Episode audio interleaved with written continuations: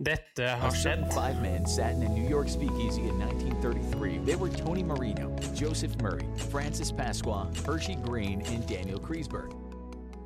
Generation X versus Z. Sandberg Productions presenterer Den ekte samtalen om og med generasjon X og Z. Hold deg fast og nyt. Hei, hei, kjære lytter, og hjertelig velkommen til eh, dagens episode av Generation X versus Z. Og i dag, kjære kompanjong, Ja, så er det ikke noen vanlig episode. Nei, det er det ikke. Det er uh, high five. Typ. Det er uh, den årlige kavalkaden vår i dag, kjære lytter. Så i dag så gir vi deg topp seks episoder fra det siste året. Hva betyr det, Henrik? Det betyr at du får seks av de mest spilte episodene fra det siste året på løpende bånd. Det vil si popkorn, vafler og det ene med det andre. Eh, kaffe, drikke. Det er en nytelsestid. Ja, sett deg ned, kos deg med hva det ende måtte være. For det er mye gode lytt her altså i år. Eh, må bare si det sjøl. Bare kjøre på, da. Ja.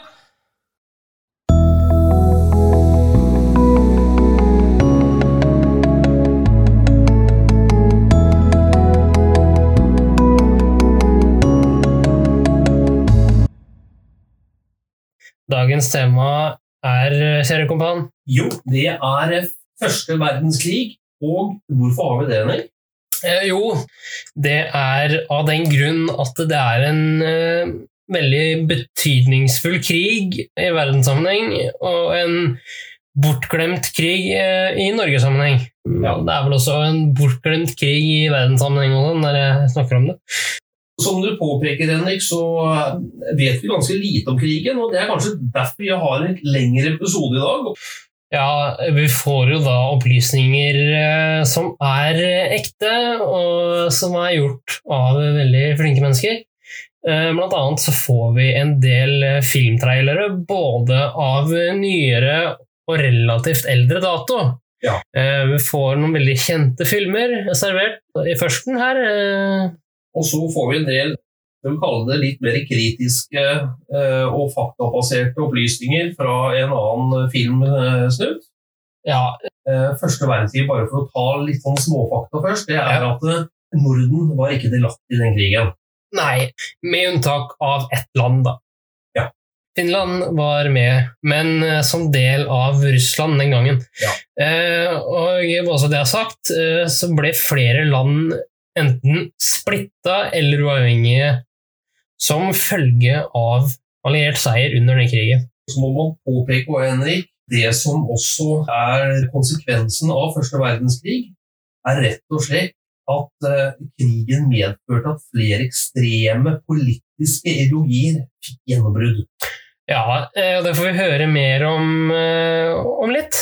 Eh, Det jeg har nå, det er en eh, trailer eh, til en nyere film som ble lansert, eller kom ut da, i 2019, som heter eh, 1917, og som har fokus på to britiske soldater.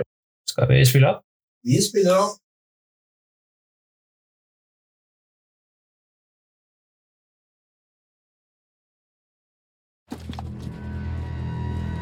In your own time, gentlemen. Must be something big if the general's here. You have a brother in the 2nd Battalion. Yes, sir. They're walking into a trap. Your orders are to deliver a message calling off tomorrow morning's attack. If you fail, it will be a massacre. We've got orders to cross here. That is the German front line. If we're not clever about this, no one will get to your brother. I will.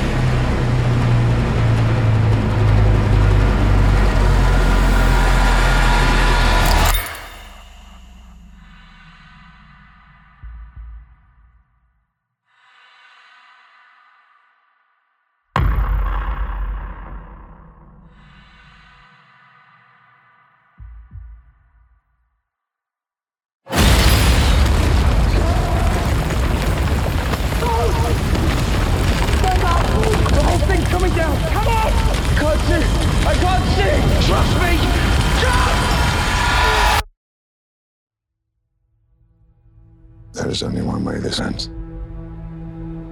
Last man standing. I'm going back to see my father. We need to keep moving! Come on! I'm going back. You can't possibly make it that way, man! You bloody insane!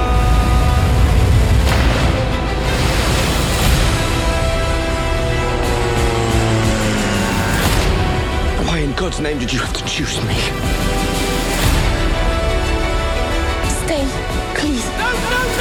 If you don't get there in time,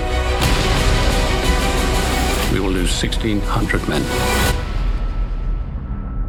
Your brother among them. Good luck.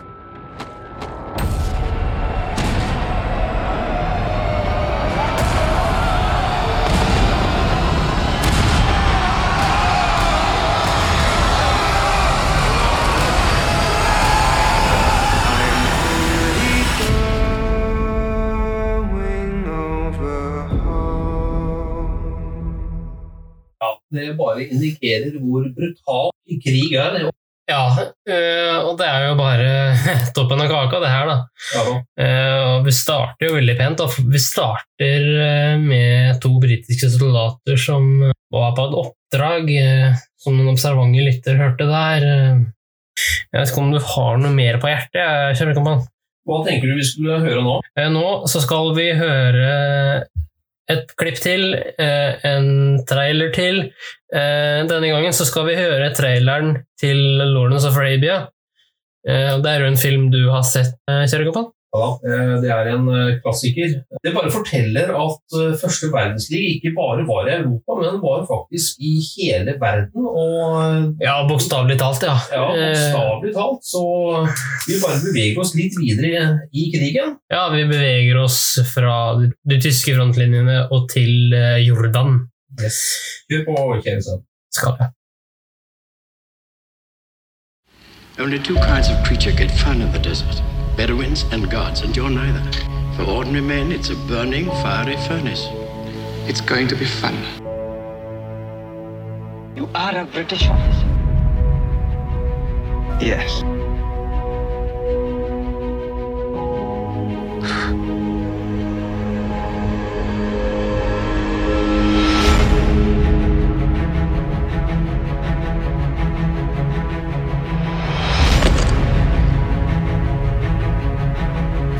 You know, fear, English?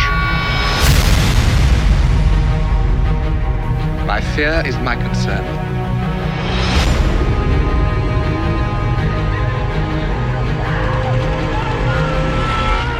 What, in your opinion, do these people hope to gain from this war? They hope to gain their freedom. I'm going to give it to them.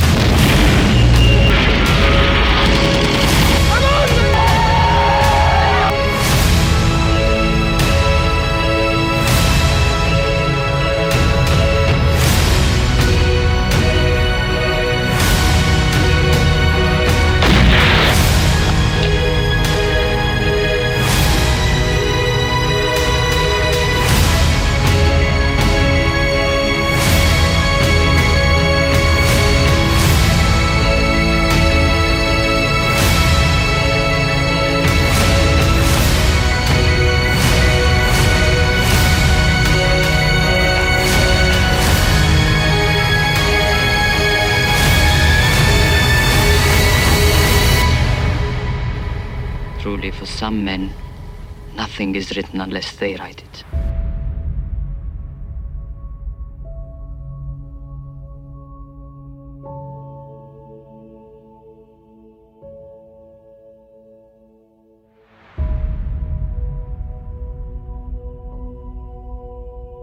Ja, Henrik, nå fikk vi vite noe om den også, men det jeg er opptatt av, som du også eh, er flink til å presisere ytterligere, Henrik, er at en krig har gjerne to sider, minimum. Ja, Og så er det veldig greit å ikke bare ha historien fra alliansedelen, men også den andre parten. mm. ja, nå beveger vi oss også inn i det ungarsk-østerrikske slash tyske landskapet. For nå, kjære lytter, skal jeg spille for deg en uh, trailer til, denne gangen All Quiet on the Western Front, som skildrer første verdenskrig gjennom tyske slash østerriksk-ungarske øyne.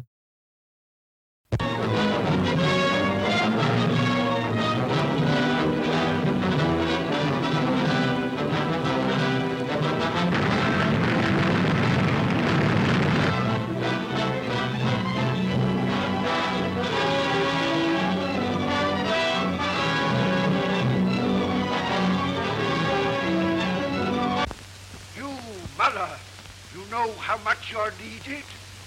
Ah, I see you look at your leader. And I, too, look to you, Paul Baumer. And I wonder what you're going to do. I'll go. I want to go. Me too. I don't see that. The Kaiser's got everything he needs. Well, they never had a war before. Every full-grown emperor needs one war to make him famous. I'll tell you how it should all be done. Whenever there's a big war coming on, you should rope off a big field And sell tickets. Yeah. And and on the big day, you should take all the kings and their cabinets and their generals, put them in the center dressed in their underpants and let them fight it out with clubs. The best country wins. Never before, and perhaps never again, will the screen capture so completely, so profoundly, the emotional crises of men whose utter loneliness ate away their hearts, whose pathetic yearning for love drove them to distraction, whose sheer terror knew no bounds.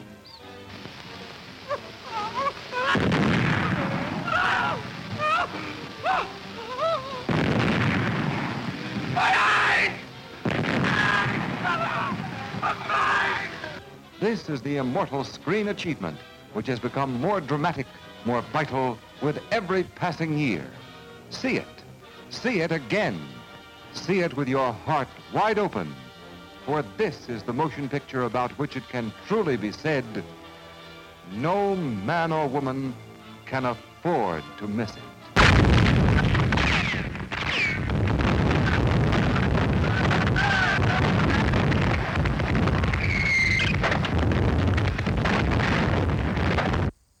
Ja, ja, kjære kompan, det var altså da den eh, offisielle og den første traileren til All Quiet on the Western Front, eh, som kom ut eh, i 1930. Som da skildrer første verdenskrig i ja, etter tysk slash ungarsk-østerriksk perspektiv.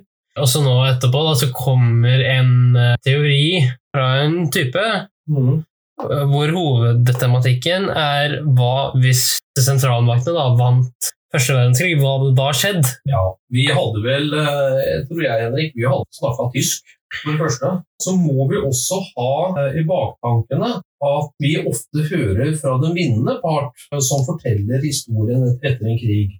Men vi må også ha med oss at eh, konsekvensen av krigen, som vi var litt inne på innledningsvis, Henrik, så medvirket faktisk krigen i ettertid. At det ble fremvokst av ideologier som fikk stort gjennombrudd. Og det var både fascisme, nazisme, kommunisme og militant islamisme. Så da spørsmålet hva hvis Tyskland, ungarsk, østerrikske, Tyrkia hadde vunnet krigen? Ja, det blir ren spekulasjon, selvfølgelig. Det jo det. Hadde det blitt bedre for oss nå, eller hadde det blitt atskillig verre? Ja, øh, og det kommer jo veldig mye fram her. Eh, blant annet hvem som må betale krigsutgifter, osv. Og det kommer jo også fram at ja, Østerrike-Ungarn hadde eksistert lenger, men ikke mye lenger, eh, og så videre, da. Med det så tenker jeg bare vi kjører. Vi kjører.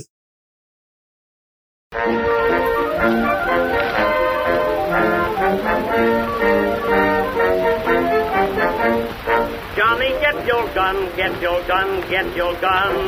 Take it on the run, on the run, on the run. Hear them calling you and me. every son of liberty. World War I was called the war to end all wars. Europe was now at a new age, a crisis, where tradition and the modern day were increasingly at odds. Industrialization progressed faster than the mentality did. The old noble ways of gentleman war clashed with the brutal reality of the trenches, and because of this, millions died. World War I was the war to end them all, because this was the last time the old European ideals would fight, the last time monarchies would reign. From who won and lost, new ideas replaced them for this industrial world, like fascism and communism. Simply put, it set the stage for the next. Germany in our timeline brought Russia into civil war, caused immunity in France, and almost broke the Allies in 1917. Before you know, America. It was just by bad decisions that we saw a 20th century of American ascendance, when it easily could have become the German century. Only question is, what would this look like? What if in an alternate timeline, Germany and the Central Powers won World War I? Let's go back to 1914 with the assassination of Austrian royalty Franz Ferdinand. Ferdinand was dead by the hands of a Serb nationalist, and the dominoes began to fall into place. Treaties certainly forced a lot of countries to declare war for their allies. There is one military decision that Germany made that almost certainly lost them the entire war invading Belgium. France had built up their military border in anticipation for a German attack. Germany, however, had a plan the Schlieffen Plan bypass the French defenses on the border by invading through Belgium, which was undefended. By going around this meat grinder, the Germans would have easy access to Paris. Well, that's not so bad. Belgium's tiny, they can't defend themselves. But Germany ignored that Belgium had one key friend the British. And the British had one single condition that it stressed shouldn't be violated don't violate Belgian neutrality. Germany, in a Prussian fashion, believed more in military action than diplomatic consequences, and marched anyway. It was this single act that brought on the wrath of the British Empire, redefining the absolute scale this war would be fought on. The British would block German ports and cut the transatlantic cable between the United States and Germany. In this alternate timeline, for Germany to not lose the war, one major step is it simply doesn't invade Belgium. By doing this, Germany avoids immediate conflict with Britain. Now, this doesn't guarantee the Brits would stay out of it. Keep in mind a Central Power victory would cement German dominance in Europe, and we can't have that. But without a provocation, though, this would buy Germany enough time to gain a major advantage over France, even if it was a year before Britain entered. It was four years of trench warfare between the British and French combined against Germany alone. France alone wouldn't even have the population to sustain a German offensive. So, in this alternate timeline, Germany's military keeps France at bay through a small border they share at Alsace-Lorraine, while the majority of their forces fully mobilize against Russia aiding their Austrian allies. Whether or not this alternate strategy would work, who knows, but it does solve the whole keep Britain out of the war thing. No matter what German military strategy is, Resentment is still assured against the Tsar. Revolution can still undermine the Russian war effort, like in our timeline, and force the Russians to negotiate. I'll focus on this aspect in a bit. The German forces on the Eastern Front now come to the west. Millions of troops fighting in a small area until one side finally breaks. And without Britain, that side is most likely France. Germany then invades. In our timeline, Germany almost destroyed the French defense in 1917 before the Americans arrived. So it wouldn't be long before the French simply can't defend themselves and are pushed back. Soon, Paris falls. The war in the West and the East is officially over. Both sides tried to fight Germany and lost. Would Britain just sit back and allow Germany to beat two nations in a war, achieving complete dominance over mainland Europe? Probably not. They'd declare war. It's unlikely, however, that they'd win. As the British were the masters of the sea, the Germans were the dominant military of the land. It's doubtful Britain alone could put a dent in the German occupation. America would simply stay out of the war. In exchange for a ceasefire, an agreement is made very similar to the Treaty of Brest-Litovsk. In just one signing of a document, Germany and Austria-Hungary seized Poland, the Baltic states, Belarus, and all of the Ukraine and Crimea. By 1918, most of Europe is now either a Germanic puppet or in the Empire. Why would they do this? Germany feared Russian dominance. Russia for centuries was this backwater European wannabe. It had size and manpower, but was woefully poor and far behind technologically. In the last few decades, something changed. It began industrializing rapidly, and if Russia fully industrialized, there was no defeating them. By seizing their valuable lands, diplomatically by military agreement, Germany legally can neuter the Russian state. Quarter of their population, now German. Most of their coal, now German. But this is just the beginning. If there's one thing Slavs don't like, it's being invaded and occupied. So the 2 million German troops in the east now face a guerrilla war against insurgents, including ones funded by the Soviets. France is blamed for putting the worst of the reparations on Germany, but it's not like Germany would be so kind if they were in the same position. In this alternate timeline, Germany keeps Alsace Lorraine. They impose massive amounts of war reparations, and the French people have to deal with a brief German occupation. Imagine France at this time. They had lost two wars now to the new German Empire, basically powerless to stop a state that was practically brand new. It's not hard to imagine elements of French society would be resentful against the Germans. Does this mean we'll have an alternate French Hitler? Probably not. Even if France actually did have a French Hitler, they just don't have the population to win a war. World War I was defining for one reason. It set the stage for who the winners and losers would be in the 20th century. Not just in terms of borders, but ideology. Old European aristocratic ways died with the Kaiser and the Austrian Emperor. Don't think Germany and Austria expand monarchies to France or make the king a new power in Britain, but they do send a message that old European aristocracy and nobility is still relevant. It's very possible that the 20th century could have become the German century. The Germans wanted an economic union that united all people of Europe around Germany. Without the rise of the Nazis, intellectuals, including people like Albert Einstein, continued their scientific endeavors inside Germany. However, we're just getting started. The Central Powers have established themselves as victors in this war. What matters is how they use this victory. This, however, is one scenario.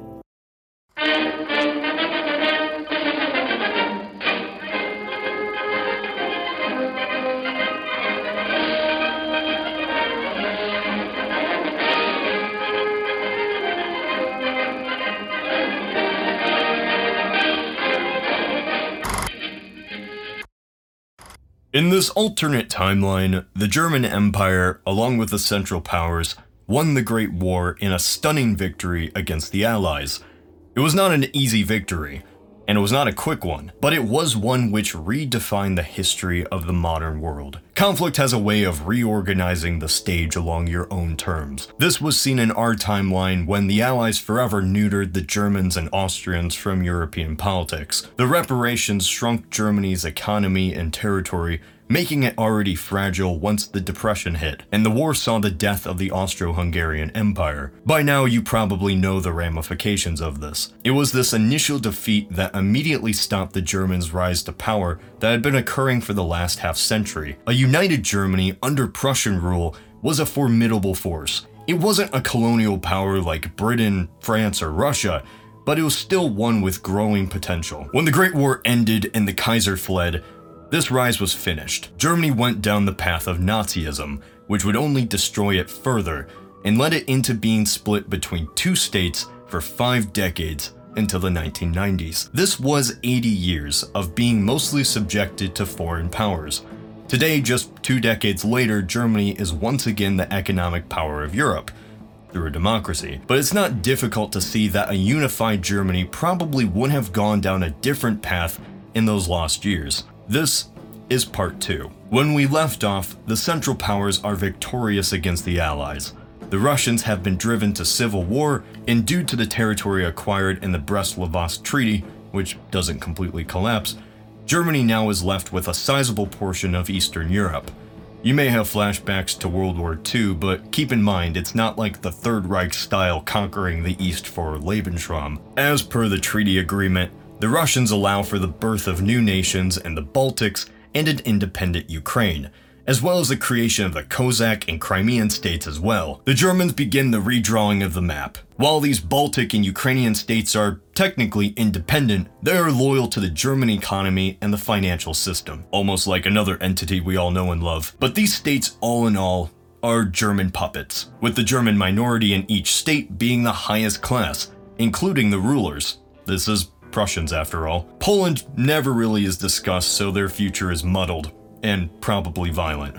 Speaking of which, the Russian Civil War is still, of course, happening, and plans get muddled in war. It's easily foreseeable the conflict in Russia blends into the plans with the Germans as the conflict spills over. Communists versus non communists fighting in many areas of Eastern Europe. The stability of Russia is of the utmost importance to the Germans, as a Soviet state on their border is a catastrophe to the traditionalist Prussian culture. The White Army receives vast amounts of funding, support, and men to the front lines from almost every Western state, from Britain, France, Germany, and America. With this aid from the powerful German Empire, the Whites succeed, and the Soviets are crushed. The Soviet Union never arises, which, if you want the full scenario on that, check out this video. Germany, while the dominant army on the continent, was just that on the continent. It was always limited by the superior British Navy and, compared to others, always had a lackluster number of overseas colonies.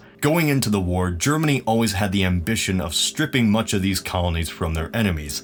Had they won, nothing would have stopped this exchange. In this alternate timeline, what we see is something called Mittel Africa, or Middle Africa. The German Empire seizes British, French, and Belgian territory all throughout Africa, effectively taking over most of the continent. It was basically connecting the three existing German colonies, allowing for one large swamp of land across the African equatorial jungle and savanna. A direct empire across much of Africa and an economic dominant force in Eastern Europe is always a possibility. Rebellions would be put down hard. The likelihood of Germany succeeding at such a huge endeavor across so much land is hard to say, as the Germans lost against South Africa in our timeline. The Great War is over, and to the victor goes the peace. But the peace is only won if the victor is competent, which leads us to discuss the black sheep of the bunch, the Kaiser, Wilhelm II. During the war, he was mostly a figurehead,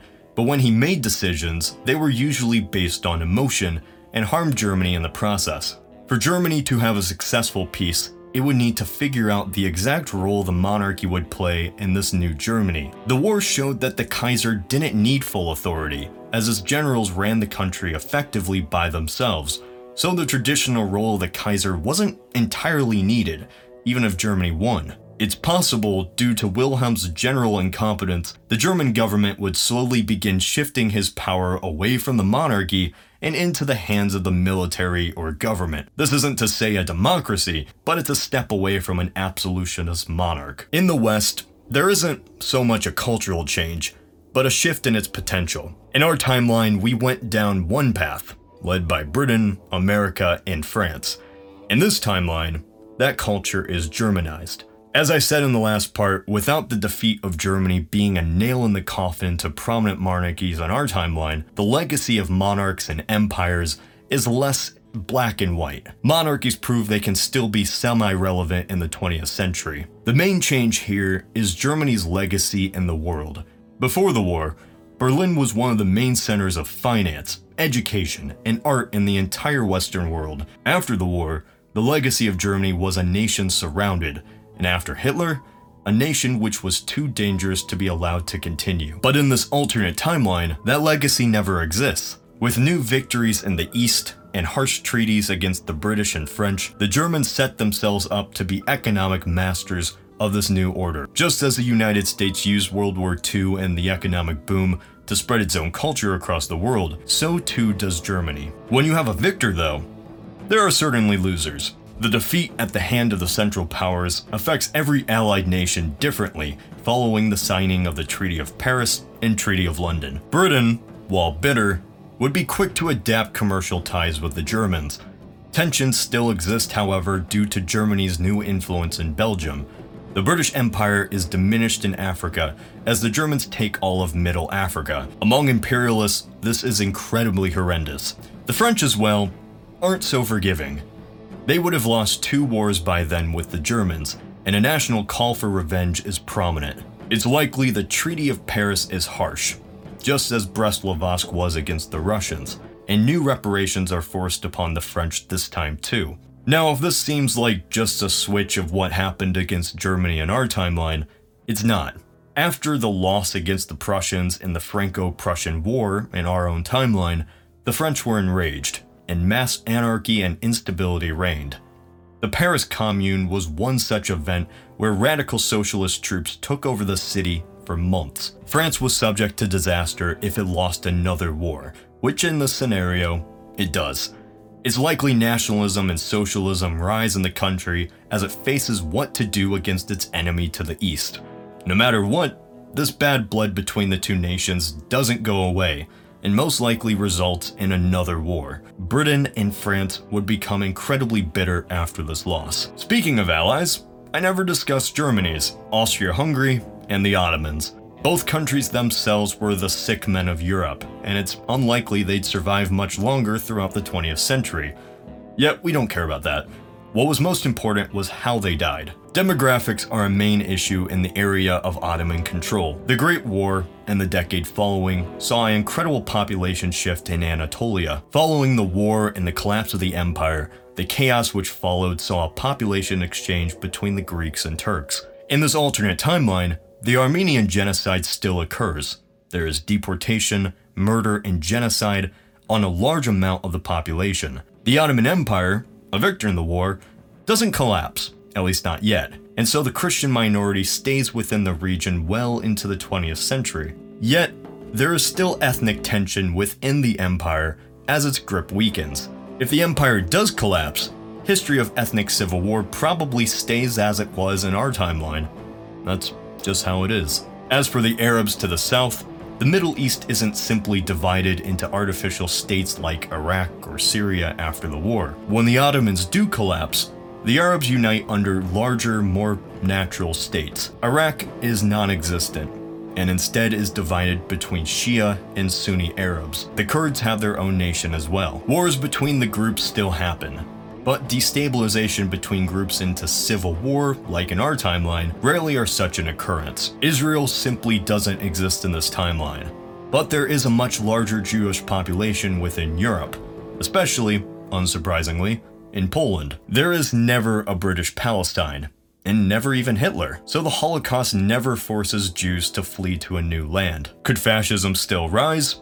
Possibly, but obviously not in the manner of our timeline. It would be harder, having to rise in countries with histories of democracy. As a whole, we see a Western civilization far more socially conservative than our own. Without World War II, which created such a societal shift, generations don't become disinterested in the old order. Imperial might, empire, and colonies remain a desire because that was Germany's main prize for victory. Britain and France want their colonies back. America wants to be like Germany. Speaking of which, what is America doing? They never got involved in the war, and so the American public is largely neutral to a German victory. Of course, being culturally and economically closer to Britain meant that while the Allied loss was an issue, it wasn't catastrophic. What's done is done, and to the Americans, relationships had to be made with the victors and to mend ties. Being uninvolved in the war, the United States tries to reach across the aisle. It's not a global military leader, but economically it's strong.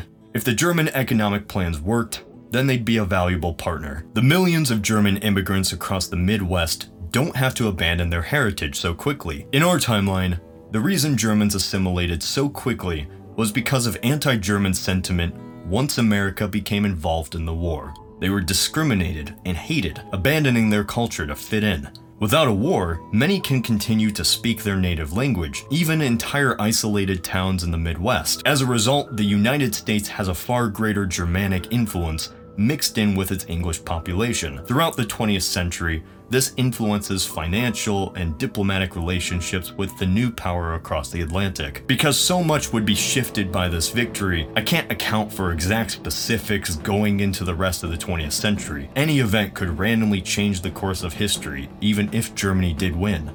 The Great Depression certainly causes upheaval for countries across the world. But as a whole, simply following the events of our own timeline, Whoever won the Great War forever shaped the 20th century in their image. Had Germany won, it has an immediate head start on this new age.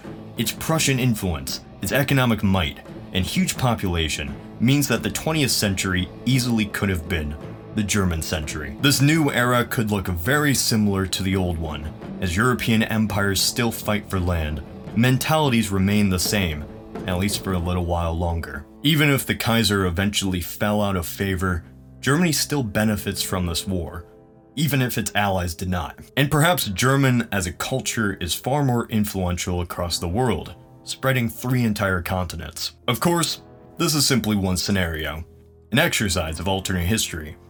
But it's fun to theorize. This is Cody of Alternate History Hub. Ja, kjære sønn, eh, hva tenker du nå om eh, spekulasjonene? Ja, altså det er jo noen solide teorier. Eh, det er det. Eh, jeg tror det kunne skjedd, men sånne land som eh, Irak, Finland, Østerrike, Ungarn hadde jo ikke eksistert hvis ikke hadde vært for alliert seier i den krigen. Men hva tenker du, hvordan hadde verden sett ut? Nei, altså det dominante verdensspråket hadde vel antagelig enten vært ungarsk, tyrkisk eller tysk. Eh, ikke engelsk. Eh, men eh, tro det eller ei, jeg har med litt lyd av en fyr. Ikke hvilken som helst fyr heller, men det er eh, tidligere presidenten i Sør-Afrika, Jacob Zuma, som sliter med å si et veldig enkelt ord på engelsk. Ja, Han prøver å si 'in the beginning', men eh, det bare forteller eh, altså Vi må jo også ha litt humor inn i bildet. Ja, visst. Eh, i en, når vi snakker om krig, så det humoristiske innslaget i episoden er enig. Tenker jeg vi bare spiller av, jeg. Ja. Genesis 1, verse 1. In the beginning, in the, in the beginning, in the beginning, yeah, in the, in, in, uh, in the, Listen properly. in, in the beginning, yeah, in, in, in the beginning, in the beginning, in, in, in, in the, be, in, in the beginning. Ja, Henrik, det er nesten å høre meg sjøl. Du vet jo som eh, og har faktisk harselert med faren din, og jeg, prøver å lære meg mer engelsk. Men eh, veldig hyggelig av deg å spille dem, fordi det bare viser at det er faktisk noen som er noe verre enn det, det jeg er. Og det, det, var, det var hyggelig gjort av deg. Men det som er morsomt her, det er at han står ved en eh, prekestol, rett og slett. Skal holde en tale, og i den talen så prøver han da forgjeves å si 'in the beginning'. Eh, og det hører du jo at det klarer han ikke.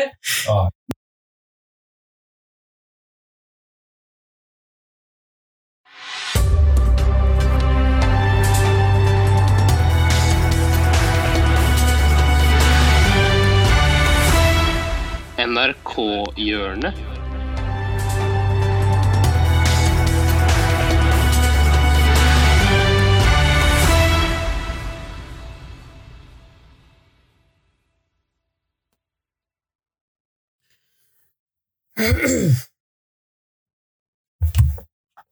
Ja, Henrik, fra det ene til det andre. Så skal vi over til min eh, faste spalte NRK-hjørnet, som omhandler eh, NRK eh, på godt og vondt. Eh, og i dag eh, så skal vi ta for oss eh, igjen eh, krig. Men jeg skal harselere med det. Eh, for jeg skal spille av et klipp eh, der hvor eh, krig blir lek, for så å bli krig igjen. Eh, har du noe mer på hjertet? Jeg tenker at vi bare lytter. Den er grei. Ja, nå er det offisielt. Atombomben kan treffe når som helst. Hvem vil slippe bomben først av Kim Jong-un og Donald Trump? Det er det som er spørsmålet. Og hva med oss her i trygge lille Norge?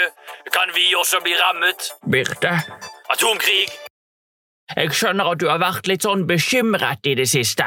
Hva er atomkrig, pappa? Kommer jeg til å dø? Uff, nei, nei, slapp helt av, Birte Boms. Jeg, jeg har noe å vise deg. Atomkrig er litt sånn som en lek. Lek? Ja, det er litt sånn som gjemsel. Bare at du skal gjemme deg i noe som vi kaller for bomberom. Oi! Inni bomberommet ditt kan du få lov til å lese så mye tegneserier som du vil, og leke leker og spille brettspill. Og det er uendelig med brus og potetgull, og vi har tykke puter og pledd som beskytter deg fra alt som er farlig. Ja, nå skjønner jeg. Det er en lek. Ja, Se, han der Kim Jong-un kalte akkurat Donald Trump for en tissefant. de er med på leken, de òg. Så morsomt. Hvorfor ler du ikke, pappa? kalte han ham for en tissefant. Ja, du kalte han det på Twitter. Herregud, jeg har kastet bort altfor mye tid på dette teppefortet. Pappa, hva er det som skjer? Jeg blir redd. Er dette en del av leken? Jeg burde lagd et ekte bomberom. Jeg burde lagd et ekte bomberom!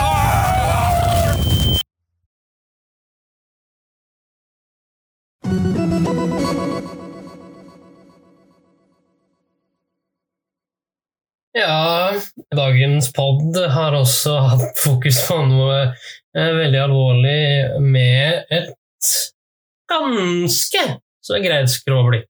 Yes, det har det. Spørsmålet til deg, Henrik, vet du hva det er? Nei.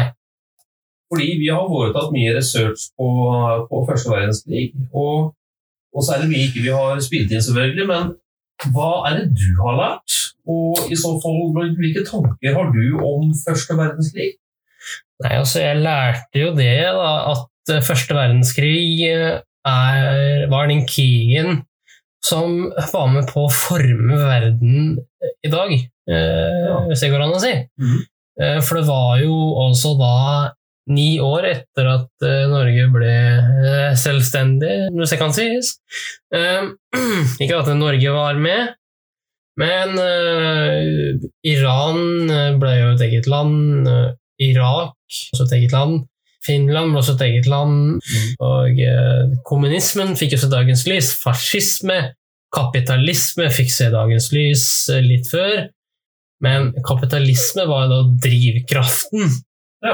Og det var da en som ikke likte eh, monarkiet i Østerrike-Ungarn, som da var med på å trigge første verdenskrig.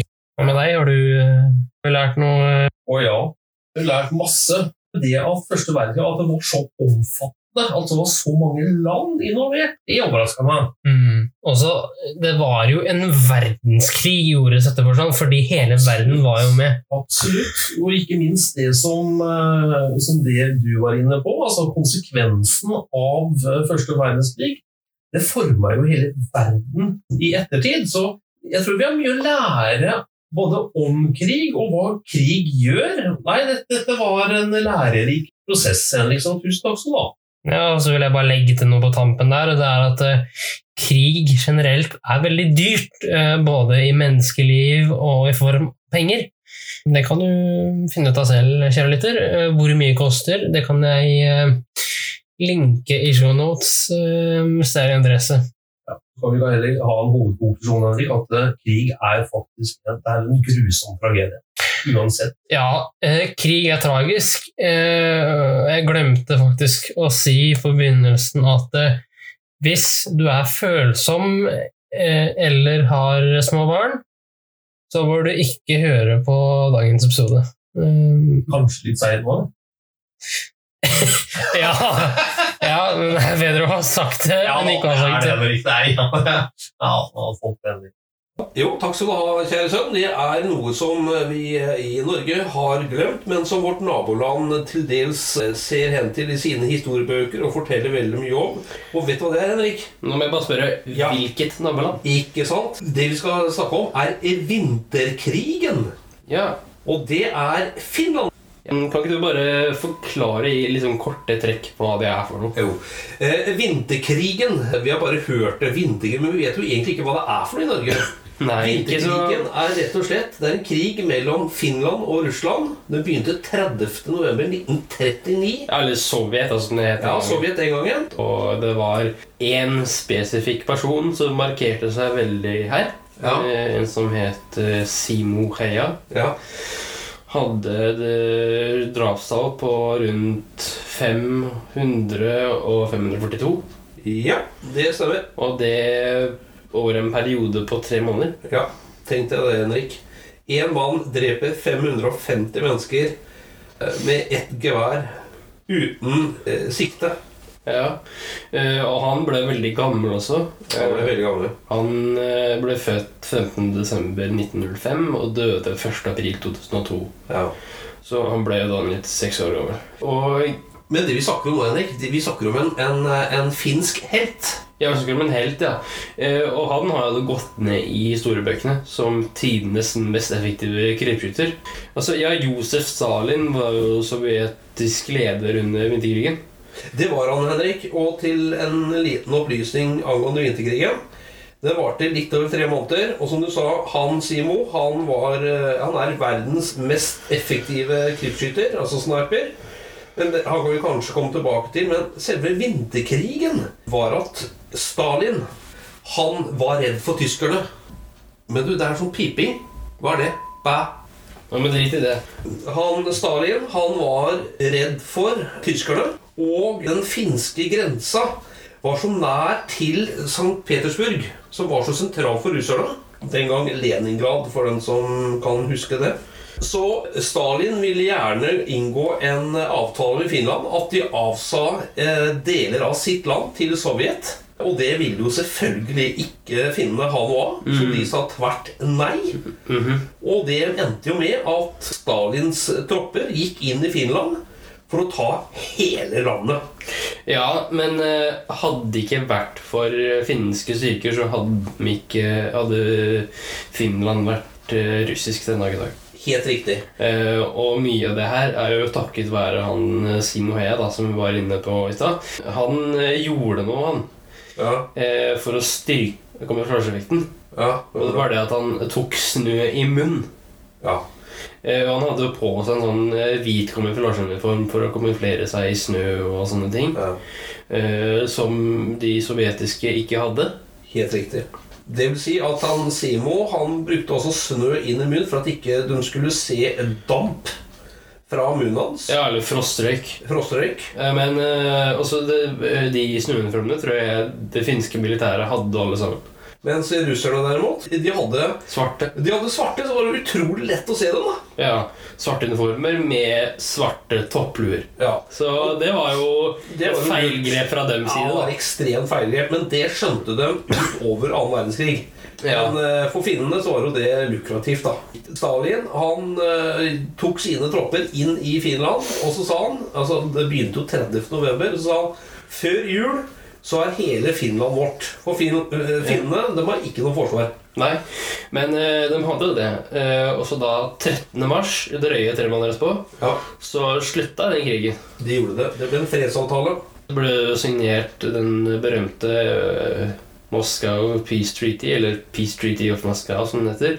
Og det var jo da en fredsavtale mellom Finland og Sovjet, ja. som gjelder den dag i dag. Den gjelder i dag. Og Finland måtte eh, likevel avsi ca. 10% av landet sitt og 20% av industrien. Men la oss se på styrkeforholdene, Henrik. Ja. Finland hadde 250 000 mann. Russerne hadde 1 million. Og Henrik, finnene hadde 30 eh, stridsvogner, mens russerne hadde 6500. Finland hadde 130 fly mot 3800 russiske fly. Så tror nok at Stalin, som han selv ga uttrykk for, Finland er en knert å ta. Men det var det absolutt ikke. Nei, og det var jo mye av det finske bakkemilitæret. Ja. Der hadde det overhånd eh, i den grad det er mulig. Grunnen for at vi har det med vinterkrigen, er at den er, den er så nær oss samtidig som den er litt fjern oss. Ja, eh, og pluss det at den eh, slutta jo den 13. mars 1940, som er ja, drøyt 70 år siden. Ja. Men grunnen til at vi har der, er jo, ja, som du sa, ja, den er fjern, men den er samtidig nær. Men det er jo først og fremst for å gjøre oppmerksom på at den fant sted. Og så får vi bare gratulere finnene som eh, holdt standby. stand by. Ja, og det her vil jeg jo kalle nærmest en hyllest til det finske militæret. Ja, Det finske folket, vil jeg nesten si, Henrik. Ja. Kjenner du noen finner? Ja, jeg kjenner eh, iallfall én, men eh, jeg skal ikke gå inn på noe mer detaljer nå om den vet vedkommende, men eh, Vi, kjenner en del finner, og vi saluter you Ja, skal vi si, Henrik, at dette var eh, vinterkrigen? For de som ønsker å ta opp tråden eh, og lese mer, så har de full anledning til det. Og gjerne diskutere med oss videre framover. Ja, ja. Eh, og litt på samme måte så vil jeg anbefale The Winter War på YouTube. Søk på Si meg heia på YouTube. eh, hvilket Yes, sir. Så er det med tungt hjerte at jeg må si at et liv har gått tapt. Ja. Og vi snakker selvfølgelig da om Henrik. Eh, Bjørn Natiko Linderblad. Ja, For de som ikke kjenner han eller vet hvem han er, kan du beskrive han med enkle ord? Eh, han var en eh, siviløkonom av utdanning. Eh, dro til Thailand på en ferie. Eh, ble værende der som munk eh, fordi han syns livet i finansbransjen ble for tungt. Eh, både billedlig og fysisk. Ja, jeg tror han ønsket egentlig å finne veien til seg selv. Ja, eh, og vi to var på et foredrag som han holdt eh, på Hvor var det? Litteraturhuset i Fredrikstad? Ja da, det var Øyvind Johansen, en, en kompis som, som hadde dratt den inn til Fredrikstad for at han skulle da holde et foredrag. Og det var full brakke. Ja, det var en eh, full sal med tilskuere som eh, så på og hørte på. Eh, og blant de menneskene så var du, meg og vår eh, tidligere gjest. Eh, og det for meg, da, spesielt, var en sånn eureka-opplevelse. For jeg hadde ikke tenkt på at kunne være såpass nyansert. Nei, så du ble fascinert? Eh, ja, egentlig. Ja. Du var jo så heldig, du. Alt dere hadde jo en god prat i etterkant. Ja, og grunnen til det var fordi du og han kompisen din Dere hadde en debrief, og så ble jeg med på den. eh, Ja. Og så kom han tilfeldigvis bort og så lurte litt på hva dere drev med. Og da ble det til at eh, jeg og han naturlig nok hadde en prat. eh, Fordi han lurte veldig på hva jeg som så ung gjorde der. Ja. Eh, og på det tidspunktet der så hadde jo ikke jeg enda fylt 18 år. Det skal sies. Skal vi høre litt fra han? Ja, vi kan bare rive av plasteret. Vi kan rett og slett ta en side fra TV4 Nyhetene. Eh, Det var en reportasje som ble sendt 17. januar 2022. Altså på dagen han døde. Om hvordan han døde, og hva han led av. Eh, For han døde ganske ung. Eh, Med det så tenker jeg bare vi spiller av den reportasjen. eh, Og river av det plasteret. Jeg tror vi gjør det. ja. Den tidigare buddhistmunken och näringslivschefen Björn Nattiko Lindeblad är död. Nu på morgonen så postades ett inlägg på hans sociala medier där han skriver att han valt att avsluta sitt liv omgiven av nära och kära. Detta efter att han kämpat länge mot den dödliga sjukdomen ALS. Björn Nattiko Lindeblad blev 60 år gammal. Han blev ju känd för sitt sommarprat under 2020 och där berättade han ju själv då om hur han hjälpte sin svårt sjuka pappa att dö vid en klinik i Schweiz eh, eftersom assisterat självmord är olagligt i Sverige.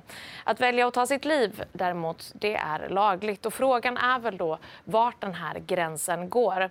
Vi på TV4 Nyheterna har varit i kontakt med läkaren Staffan Bergström som skrev ut preparaten till Björn Nattiko Lindeblad och som berättar om diskussionen som han och de två hade tillsammans innan det här beslutet. Det är ju så med alla ALS-patienter att de har till slut kan de inte andas och kan inte röra sig och så vidare och eh, det gjorde att han var tidigt klar med att han ville ha dödshjälp. Och då vände han sig till mig då som ordförande i RTVD, Rätten till en värdig död.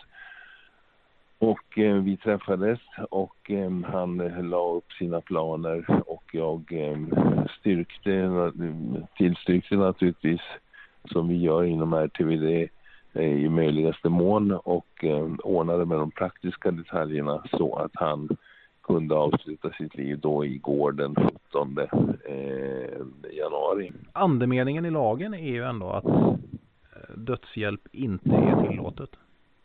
Ja, just det. Men det är inte eh, olagligt att avsluta sitt liv och den, eh, den har ju lagen har ju funnits under lång, lång tid så att varken eh, att avsluta sitt liv själv eller att få hjälp att avsluta sitt liv eh, är eh, kriminellt i det här landet eh, till, till skillnad från andra länder i närheten, till exempel Danmark, där är det inte tillåtet.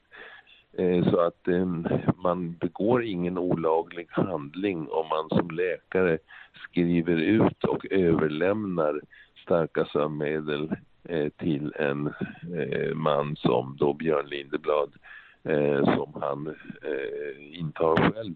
Men man får inte aktivt som läkare injicera eller eh, delta i själva akten att svälja. Det är väldigt viktigt.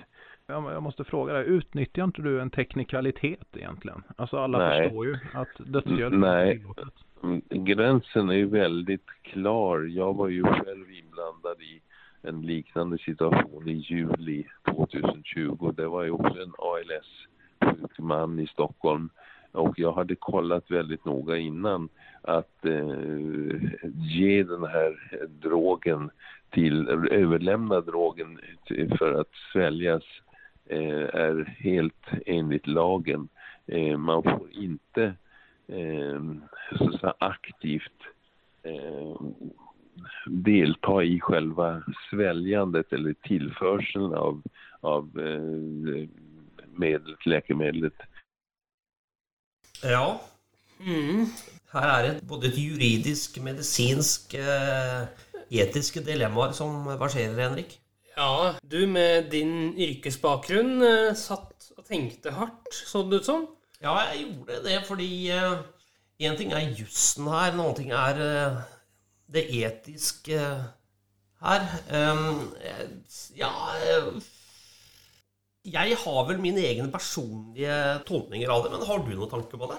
Uh, uh, nei, så jeg har vel Jeg lever etter den tolkningen som han legen ga der. Eh, for jeg vet jo Alle leger må gi en eller må gi en ed Ja. før de går ut i arbeid. Og den eden består av at man ikke skal ta liv, eh, står det i den eden. Mm. Ja. Nei, det er et vanskelig spørsmål. Eh, Jeg heller vel mer sånn personlig mot det du tenker òg, Henrik. Jeg tenker at det er litt mer sånn allment eh, tanke. Vil jeg altså tro, da. Ja, eh, er man i et land hvor det er lov, eh, som Sverige i det tilfellet her, da, så hvorfor ikke gjøre det hvis man er i den situasjonen hvor ting bare blir verre og verre, og hvor ting slutter å funke etter hvert? Det må jo være helt spesielle situasjoner hvor det i så fall uh, er akseptabelt, etter mitt syn. da. Ja, uh, og det mest kjente eksempelet på en ALS-pasient som faktisk har klart seg i veldig mange år, var jo Stephen Hawking. Ja, ikke sant. Eh, han døde jo av naturlige årsaker, som vi alle vet, eh, i Var det april 2018, tro? Eh, Ja, er, altså Husken din er jo atskillig bedre enn min, da, så jeg sier bare ja, jeg. eh, jeg tror det var noe rundt der. Han døde i hvert fall i 2018.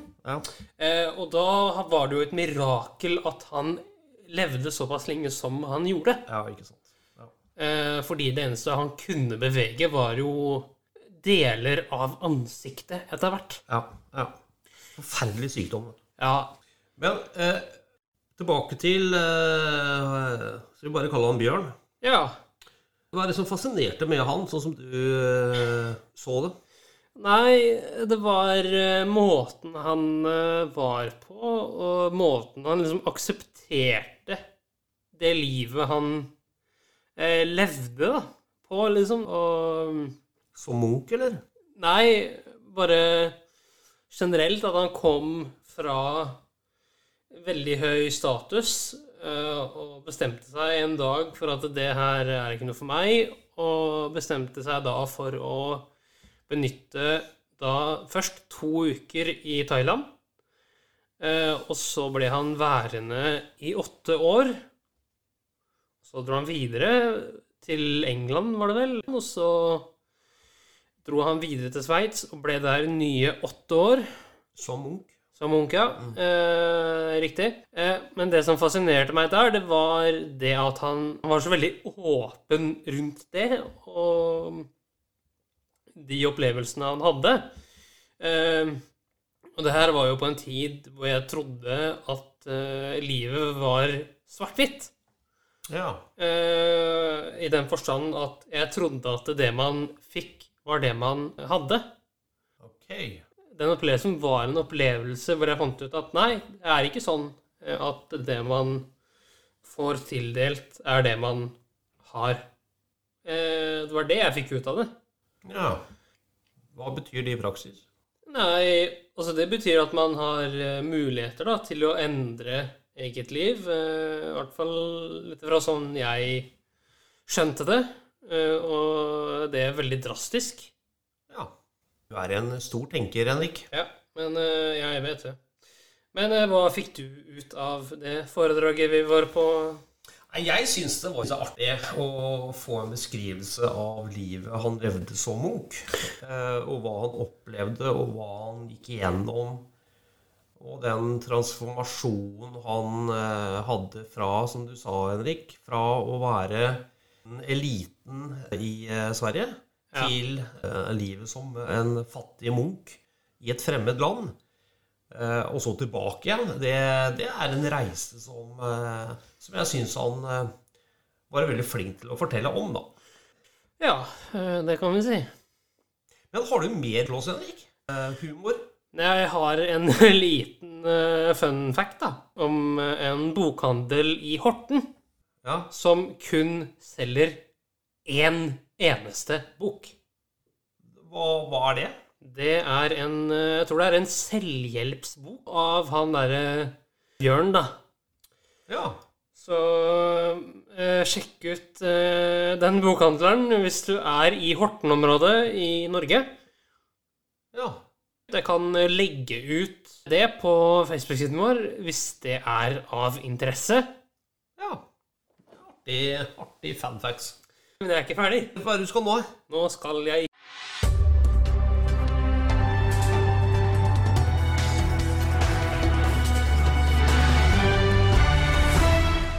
NRK-hjørnet.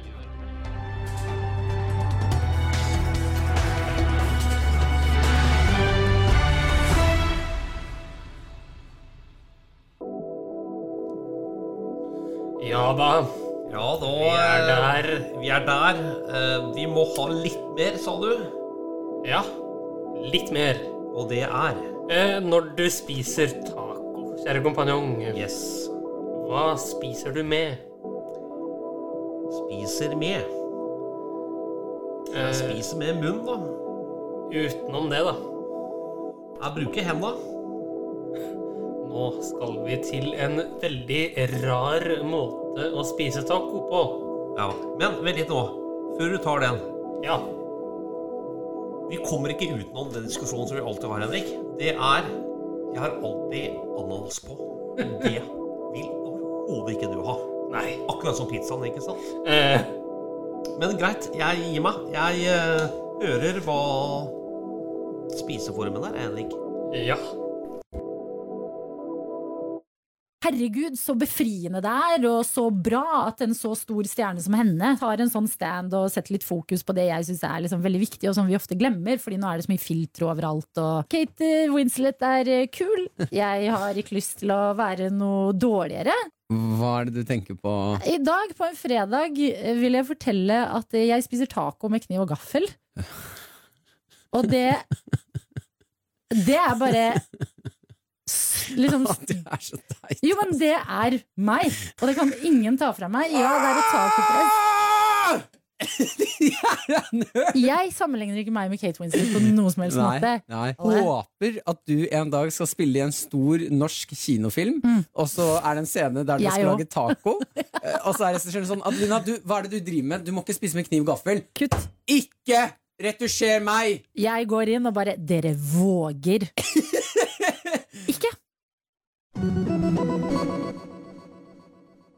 Ja. Jeg må vel innrømme én ting, Henrik. Ja.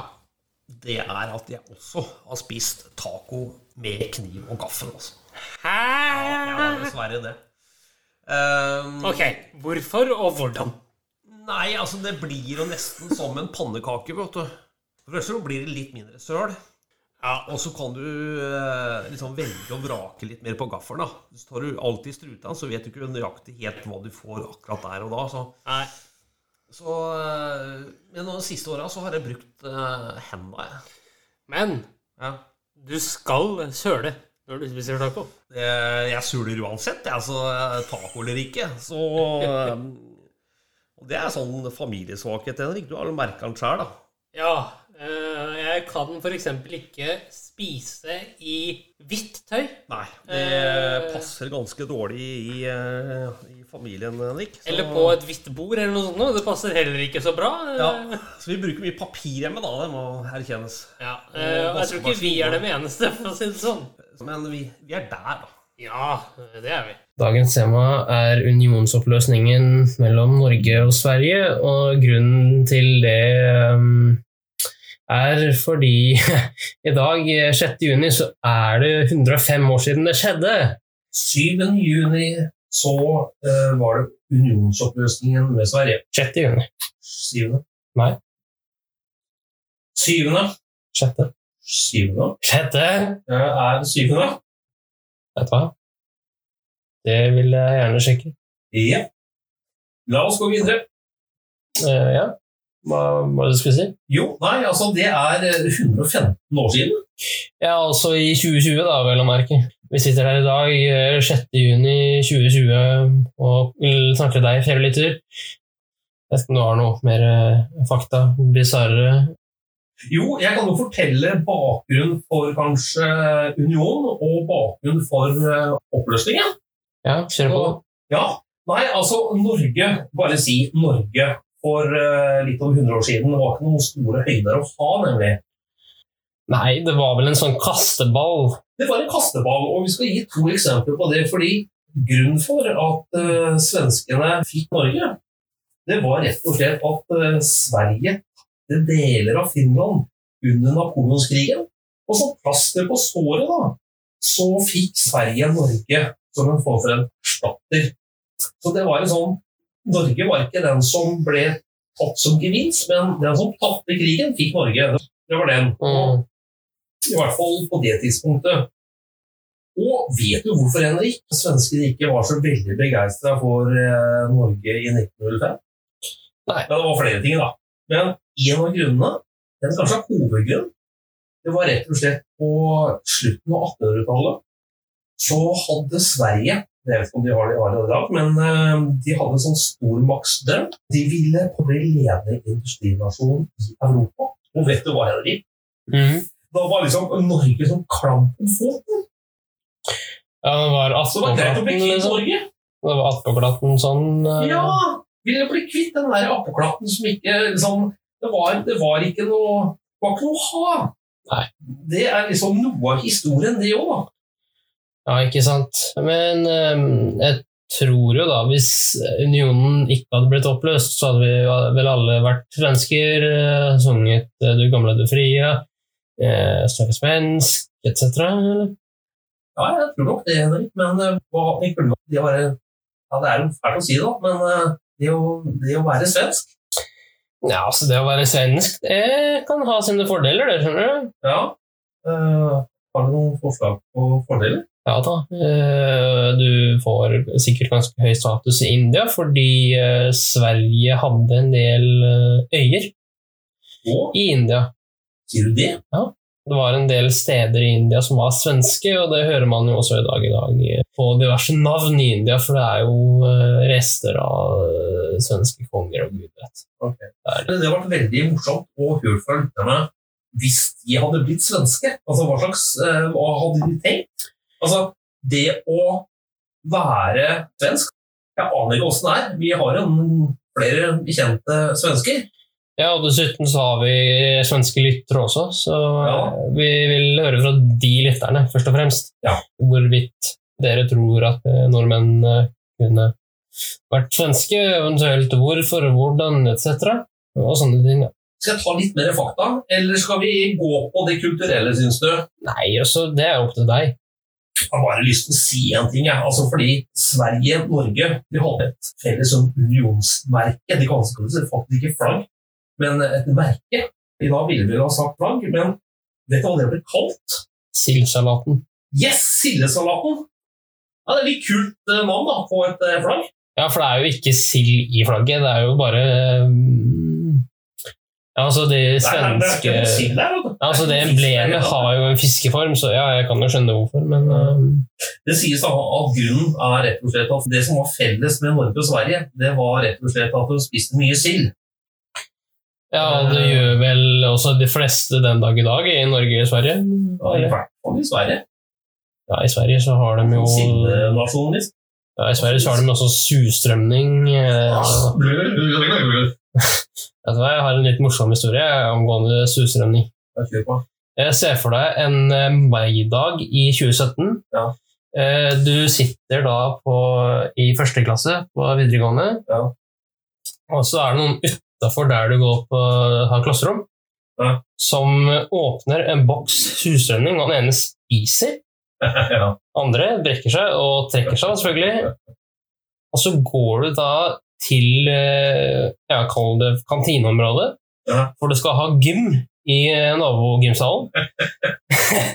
og så har du da en kompis av deg som eh, du møter på, eh, holder, du har litt avstand selvfølgelig, men som sier at han får ikke lov til å ha gym. Jeg bare lurer på, Henrik, altså, var det en årsak for at de gjorde det for at de ikke ville ha gym, eller var det bare for å se hva som skjedde? Nei, også det som var da, For å gi litt bakstyre, så hadde han der da, og en felles kompis en YouTube-kanal som hadde mye fokus på dette her med mat og sånne ting. da. Eh, så han sa det til meg, da, at eh, jeg kan ikke ha gym. Så. Jeg får ikke lov. herlig. Det er herlig. Ja, det er bra, Henrik. Flott story. Om eh, Sett nå at vi hadde blitt svensker, så hadde vi elska surstrømning hele gjengen. Men jeg kjenner svensker Henrik, om sin surstrømming faktisk er godt. Ja, eh, og det er jo veldig rart at han syns det. Ja. Men skal vi dra tilbake til 1905, Henrik? Ja. Altså, det kunne lett bli krig med Norge og Sverige. Tidligere, når det var oppløsning av eh, ulike land, så, så ble, det, ble det krig. Men eh, Norge og Sverige klarte kunststykket å få en fredelig løsning på det. Og det faktisk, Henrik, det ble kalt et diplomatisk mesterstykke. Ja. Og vet du hva, Henrik? Vi skulle egentlig også hatt en svensk prins og konge. Ja, ikke sant? Fordi Norge var jo da svensk. Ja, og norsk side ønsket faktisk en svensk prins som sin konge. Han het da prins Carl. Men forslaget ble avvist. Så vi fikk en eh, dansk prins isteden, som ble norsk konge. Håkon den 7. ble han da kalt. Vi kunne faktisk også hatt en svensk konge, Henrik. Vet du hva, det hadde vært litt kult. Faktisk. Kult? Ja. Hæ? Altså, Norge hadde sett helt annerledes ut hvis kongen hadde vært svensk. Ja, jeg tror faktisk relasjonen til eh, Sverige, muligens også eh, Danmark, hadde vært noe annerledes. Eh, Det vil jeg nok eh, se som veldig sannsynlig. Ja. Ja, jeg eh, tenker jo det samme jeg også, at Norge hadde jo vært, om ikke helt annerledes, i hvert fall en del annerledes. Kanskje mer kult da, å ha gjort Kalmarunionen til en reell greie. Ja, det var jo en reell greie i den sammenheng at det, de hadde jo ett flagg og var liksom sånn, da. Ja, vi snakker sent 13. til midten av 1500-tallet, så var jo Norge, Sverige, Danmark og underliggende land eh, i en union. Ja, eh, og sett da at eh, Kalmarunionen hadde blitt gjenforent, som du sa her, så hadde jo den blitt veldig stor. Norge har jo Svalbard, Danmark har Grønland. Men Henrik, identiteten til Sverige, hva kommer fra Norge, Henrik? Hvor ligger du? Hva, hva mener du? Nei, jeg tenker på Se på at vi hadde blitt svensker. Jeg hadde nok blitt veldig fornøyd, fordi jeg ser på svensker som veldig mye gladere enn nordmenn. Du, du gjør det? Jeg gjør det. Ja, jeg syns også svenskene har en helt annen eh, kultur på en del områder som eh, vi nordmenn faktisk kan lære litt av. Men eh, samtidig, vet du hva svenskene sier om nordmenn? Nei. De sier faktisk at vi høres ut som vi er glade hele tiden. Ja, eh, men det sier også andre utlendinger, at eh, norsk høres ut som eh, det, de synger når de prater. Ja. Merkelig greie. Ja. Jeg syns jo svenskene synger bedre, da. ja, ikke sant, ja. Altså mer flyt i språket, men ok, vi skal ikke ta den diskusjonen nå, kjære sønn, men du hadde noe NRK-hjørne i dag, hadde du ikke det? Eh, jo, det kommer jeg til nå.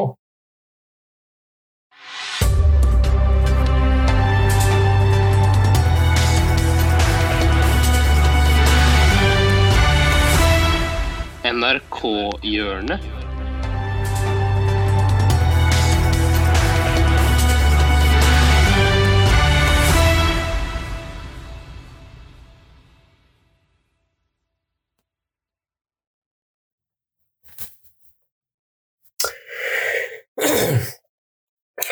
Fra 1905 skal vi ca. 104 år fram eh, til 2019 i dagens NRK-hjørne.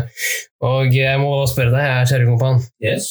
Eh, eh, hva tror du hadde skjedd eh, hvis en gruppe mennesker hadde eh, lagd en religion basert på hva folk i verden trodde på i 2019? Wow! Ja, det må jeg si var litt av en, litt av en utfordring, kjære sønn. Jeg tenker ikke på noe spesifikt land, jeg bare tenker generelt. Jeg har du noen eksempler å vise eller? Uh, ja, men det kommer vi til senere. Ok. Uh, har du noen tanker sånn eh, umiddelbart? Ikke som slår meg nå, det, men det er nok ganske mye. Men jeg har lyst til å høre på det innslaget du har. Ja.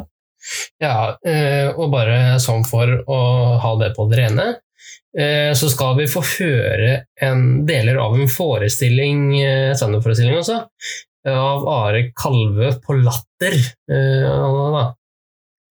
Hvor han nettopp tar opp dette her med dette her med religion og hva folk trodde på i 2019 og sånne ting.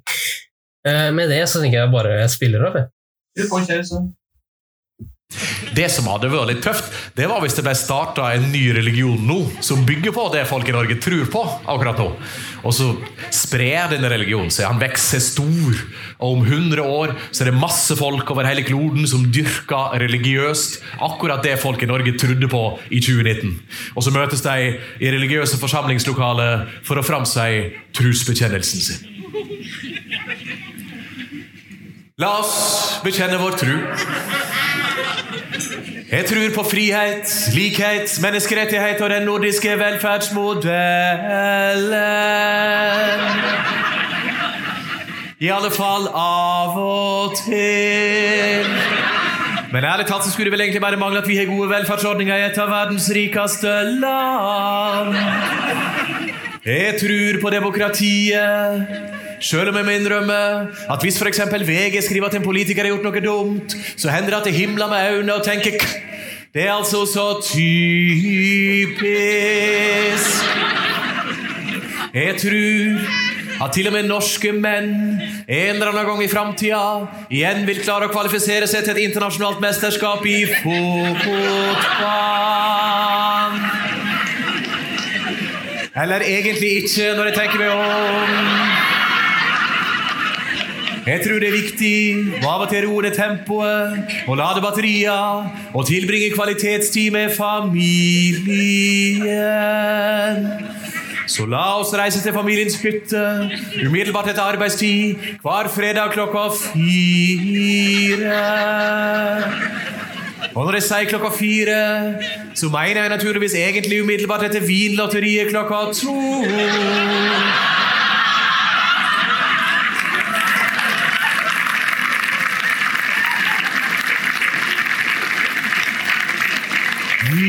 Vinlotteriet.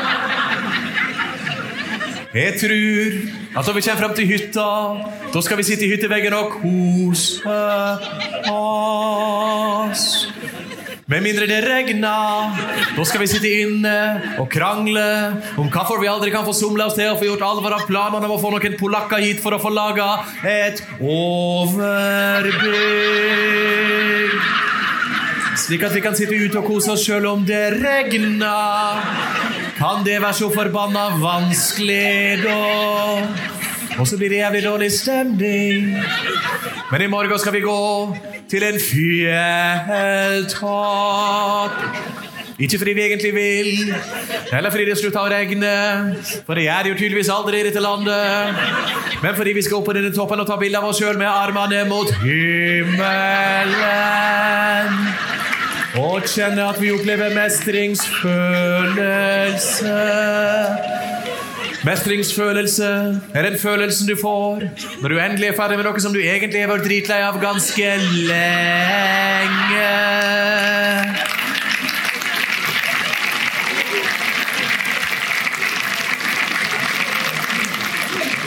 Og når du har stått her på toppen en stund, da kommer du på det som du av en eller annen grunn alltid glemmer fra gang til gang.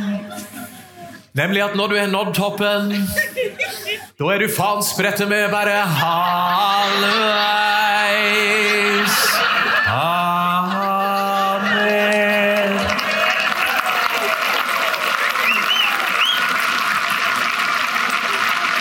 Ja, Henrik, det var en, eh, en morsom og godt reflektert forestilling.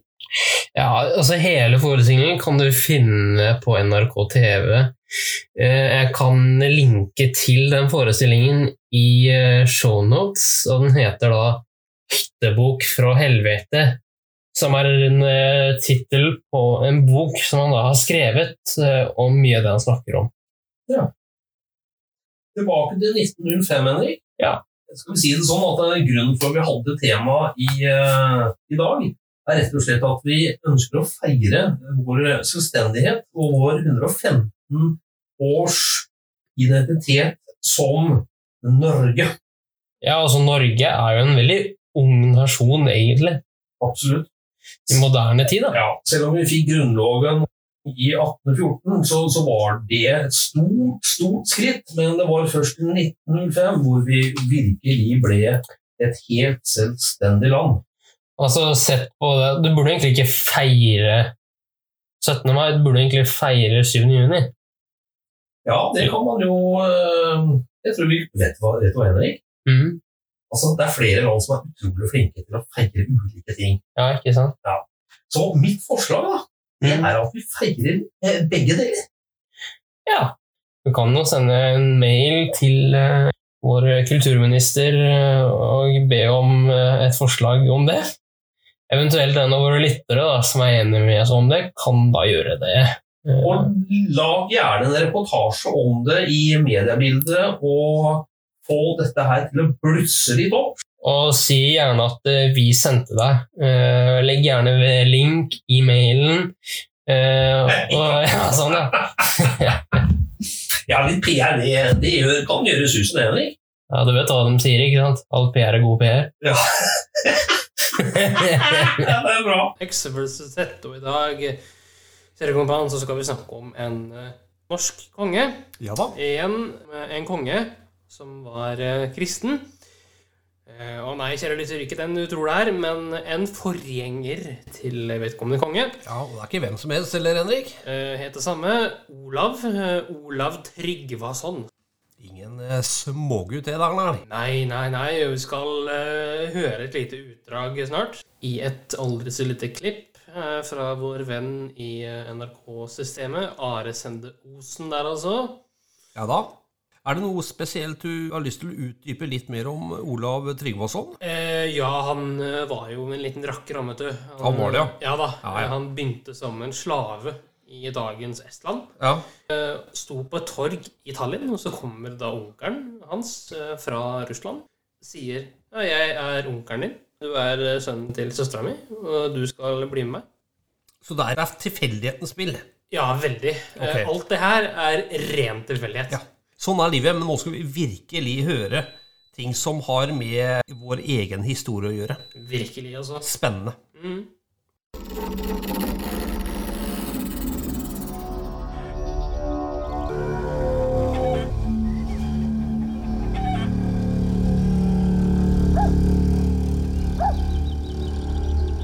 Det står en liten, fillete trell, en slavegutt, på et torg i Estland. Året er 977. Gutten er ni år og har lurt seg unna arbeidsoppgavene sine. Da kommer det, gjennom folkemengden, som i en drøm, en velkledd mann ridende. Med skinnende polert brynje på en stor hvit hest med et langt, skarpt sverd hengende fra beltet. Det er tydelig at det her er en stormann. Og den her Jeg kaller han ridderen, for det er det han ser ut som. En vikingridder. Han rir opp til den lille trellen som står der i fillene sine. Og så sier ridderen, hvem er du for en? Navnet er Olav. Olav Tryggvason heter jeg, sier den lille trellen. Da setter ridderen i et gledesbrøl, hopper ned fra hesten, river til seg den lille gutten, løfter han opp i armene sine og roper Olav! Er det du, Olav? Jeg er onkelen din. Du er sønnen til søstera mi, du, og du kan tro jeg leter etter deg. Det var bra flaks for Olav at han lurte seg unna arbeidet og for inn til torget akkurat den dagen. For et lykketreff at han var her på rett sted til rett tid.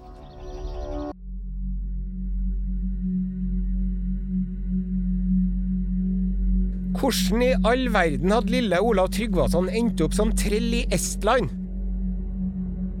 Jo, det skal jeg fortelle deg. Faren til Olav, småkongen Trygve Olavsson, var blitt drept av Gunhildsønnene mens Olav ennå lå i sin mors mage. Og mora, Astrid, hun skjønte at nå gjaldt det å skygge banen. Så hun flykta mot Sverige, gjennom skogen med jegere og krigere etter seg. Eneste hjelpa hun hadde, var en gammel gubbe, Torolf Luseskjegg. Kunne ha snakka mye om det tilnavnet, det får bli en annen gang. Men Torolf Luseskjegg var altså fosterfaren til Astrid. På en holme fødte Astrid lille Olav. Og så kom de seg over til Sverige, men de fikk ikke være i fred der heller, for Gunhildsønnene drev og skulle ha tak i den lille gutten. For de mente at han kunne bli en trussel mot makta deres. Da Olav var tre år, bestemte Astrid seg for å dra til Russland, eller Gardariket som de kalte det, for broren hennes var nemlig i tjeneste til kongen der, og var en mektig mann med stort følge og mye gods, som det står i sagaen. Hun Astrid tenkte som så at hvis hun kom seg dit, da var hun og den lille gutten hennes endelig trygg. Så Astrid og lille Olav og Torolf Luseskjegg de fikk kjøpt seg plass om bord på et handelsskip som skulle til Gardariket. Men på vei over Østersjøen ble de overfalt av sjørøvere, eller som vi kaller dem, vikinger. Enn det, du. For en skjebne! Og sjørøverne tok over båten og delte byttet mellom seg. Og de passasjerene og mannskapet de ikke slo i hjel, ble da slaver eller treller. En sjørøver tok Astrid, og en annen tok lille Olav og gamlefar med luseskjegget. Det hjalp ikke hvor mye Astrid trygla og ba om ikke å skille fra gutten sin, det brydde de seg ikke noe om. Og han sjørøveren som tok lille Olav, da, Klerkon het han, han tenkte at den lille gutten der, det er en fin liten trell. Han kan jeg få god fortjeneste på. Men denne gamle, ekle gubben der med lus i skjegget, han får jeg ikke noe for. Så Klerkon, han slo i hjel Torolf Luseskjegg og heiv ham på havet. Rett foran øynene på tre år gamle Olav. Så dro sjørøverne med byttet sitt hjem til Estland, og Klerkon bytta bort lille Olav mot en geitebukk til en mann, som igjen bytta bort gutten til en annen mann mot en kappe.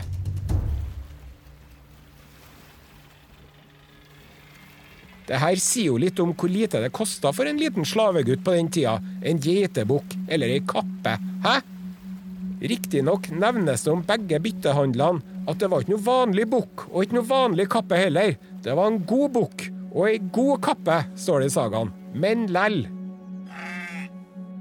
Etter at Olav Tryggvason ble bytta bort mot den gode kappa, da ble det litt bedre. For han mannen som bytta til seg lille Olav for ei kappe, en bonde, han var en snill mann. Og han behandla lille Olav bra, og var like glad i han som i sin egen sønn, står det. Så Olav hadde godt der. Ja, så godt som en foreldreløs trellunge kan ha det, da. Så det var noe snilt av skjebnen. Og der var han Olav i seks år. Helt til han tilfeldigvis ble oppdaga av onkelen sin den dagen, på torget i Estland. Og onkelen, onkel Sigurd, han jobba jo for kongen i Gardarriket, kong Valdemar. Og onkel Sigurd han løfta lille Olav Tryggvason opp på hesten sin, og så rei de til bonden som eide den lille gutten, og onkelen kjøpte fri Olav dønn og tok han med seg til hovedstaden i Gardarriket, en by som het Holmgard. Så var det en dag ikke så lenge etter at en Olav Tryggvason atter var på torget, fremdeles ni år gammel, men denne gangen i Holmgard. Og nå hadde ikke han fillete trilleklær på seg lenger, nå var han pent kledd i ordentlige greier av ypperste kvalitet, og ei lita øks hadde han òg hengende i beltet. Da ser han Olav en mann han drar kjensel på. Er det ikke? Nei, det kan ikke være. Jo visst er det det! Det var Klerkon, den estiske sjørøveren som hadde fanga han seks år før og skilt han fra mora med makt og drept han Torolf Luseskjegg. Og nå må du gjette. Hva sa lille Olav Tryggvason til Klerkon? Sa han A. Yippee-ki-yay, motherfucker. B. Say hello to my little friend. Eller C. Hasta la vista, baby. Nei, altså, han sa ingen av delene. Det står ikke noen ting om at han sa noe som helst i sagaen. Og det er faktisk litt synd, for der, altså, gikk en glipp av å levere en fantastisk one-liner. Men det som en gjorde, da, det var ganske tøft, med eller uten snerten replikk. For Olav Tryggvason, han gikk rett bort til en Klerkon, og så tok han øksa si og kjørte den så hardt inn i skallen på Klerkon at den sto langt inni hjernen. Så da døde jo han. Men nå var lille Olav Tryggvason i litt av ei knipe, for den gangen så var det sånn at det var strengt forbudt å drepe noen på torget i Holmgard.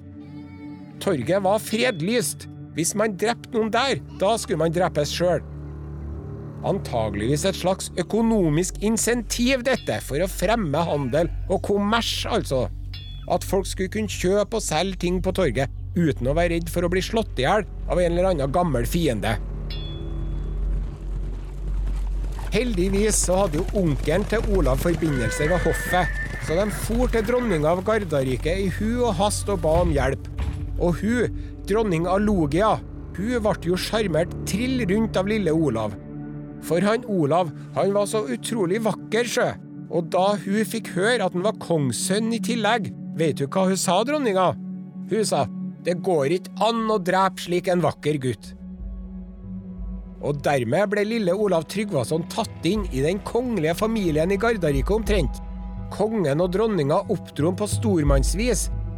Og siden onkel Sigurd jobba for kongeparet allerede, så begynte Olav òg med det og steg jo i gradene, som han kan regne med, for alle sammen digga han Olav Tryggvason, rett og slett. For han var altså så usannsynlig kjekk og sjarmerende, og stor og sterk, og best av alle i alle idretter. Fekting og slåssing og greier. Og det her er jo sånn som de sier om alle kongene i kongesagaen. Men mye av det tror jeg at de sa bare fordi de var konger. Og hvis de ikke hadde vært konger, så hadde de kanskje sett helt vanlige ut. Men han Olav Tryggvason, han tror jeg var sånn. Han var ei rockestjerne. Faktisk så var han Olav Tryggvason så skrekkelig kjekk og festlig at kongen i Gardarriket, han Valdemar, han ble litt lei. Forholdet mellom kong Valdemar og Olav Tryggvason mugna litt. Men forholdet mellom dronninga og Olav var helt topp. Jeg sier ikke at det har noe med saken å gjøre, men jeg sier ikke at det ikke har det heller. Skjønner du hva jeg mener? Og folk drev og hviska og sladra til en kong Valdemar om at han måtte passe seg for en Olav, og at en Olav var så godt utstyrt.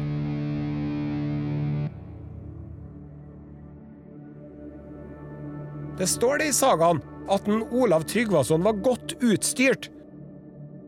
Kanskje det er jeg som tenker koffert? Det kan jo ha vært sånn annet utstyr òg, det, da. Sverd og skjold og spyd og den slags. Men samtidig så utrolig pen og vakker og smart og morsom og kjekk og sporty som en Olav Tryggvason var, så skulle det ikke forundre meg om en var godt utstyrt nedentil òg. Uansett så gikk Olav til dronninga og sa at han hadde hatt det helt supert til hun, men at nå måtte han fære hjemover mot Norge. For han Olav han hadde vel antageligvis planer om å bli konge i Norge allerede da. Han mente jo sjøl at han hadde retten til det. Og dronninga sa ja, ha det bra da, kjære Olav, og samme hvor du drar, så kommer folk til å digge deg. Hun sa det. Og så tok en Olav Tryggvason og seilte inn i solnedgangen med skip og menn og herja litt i Østersjøen.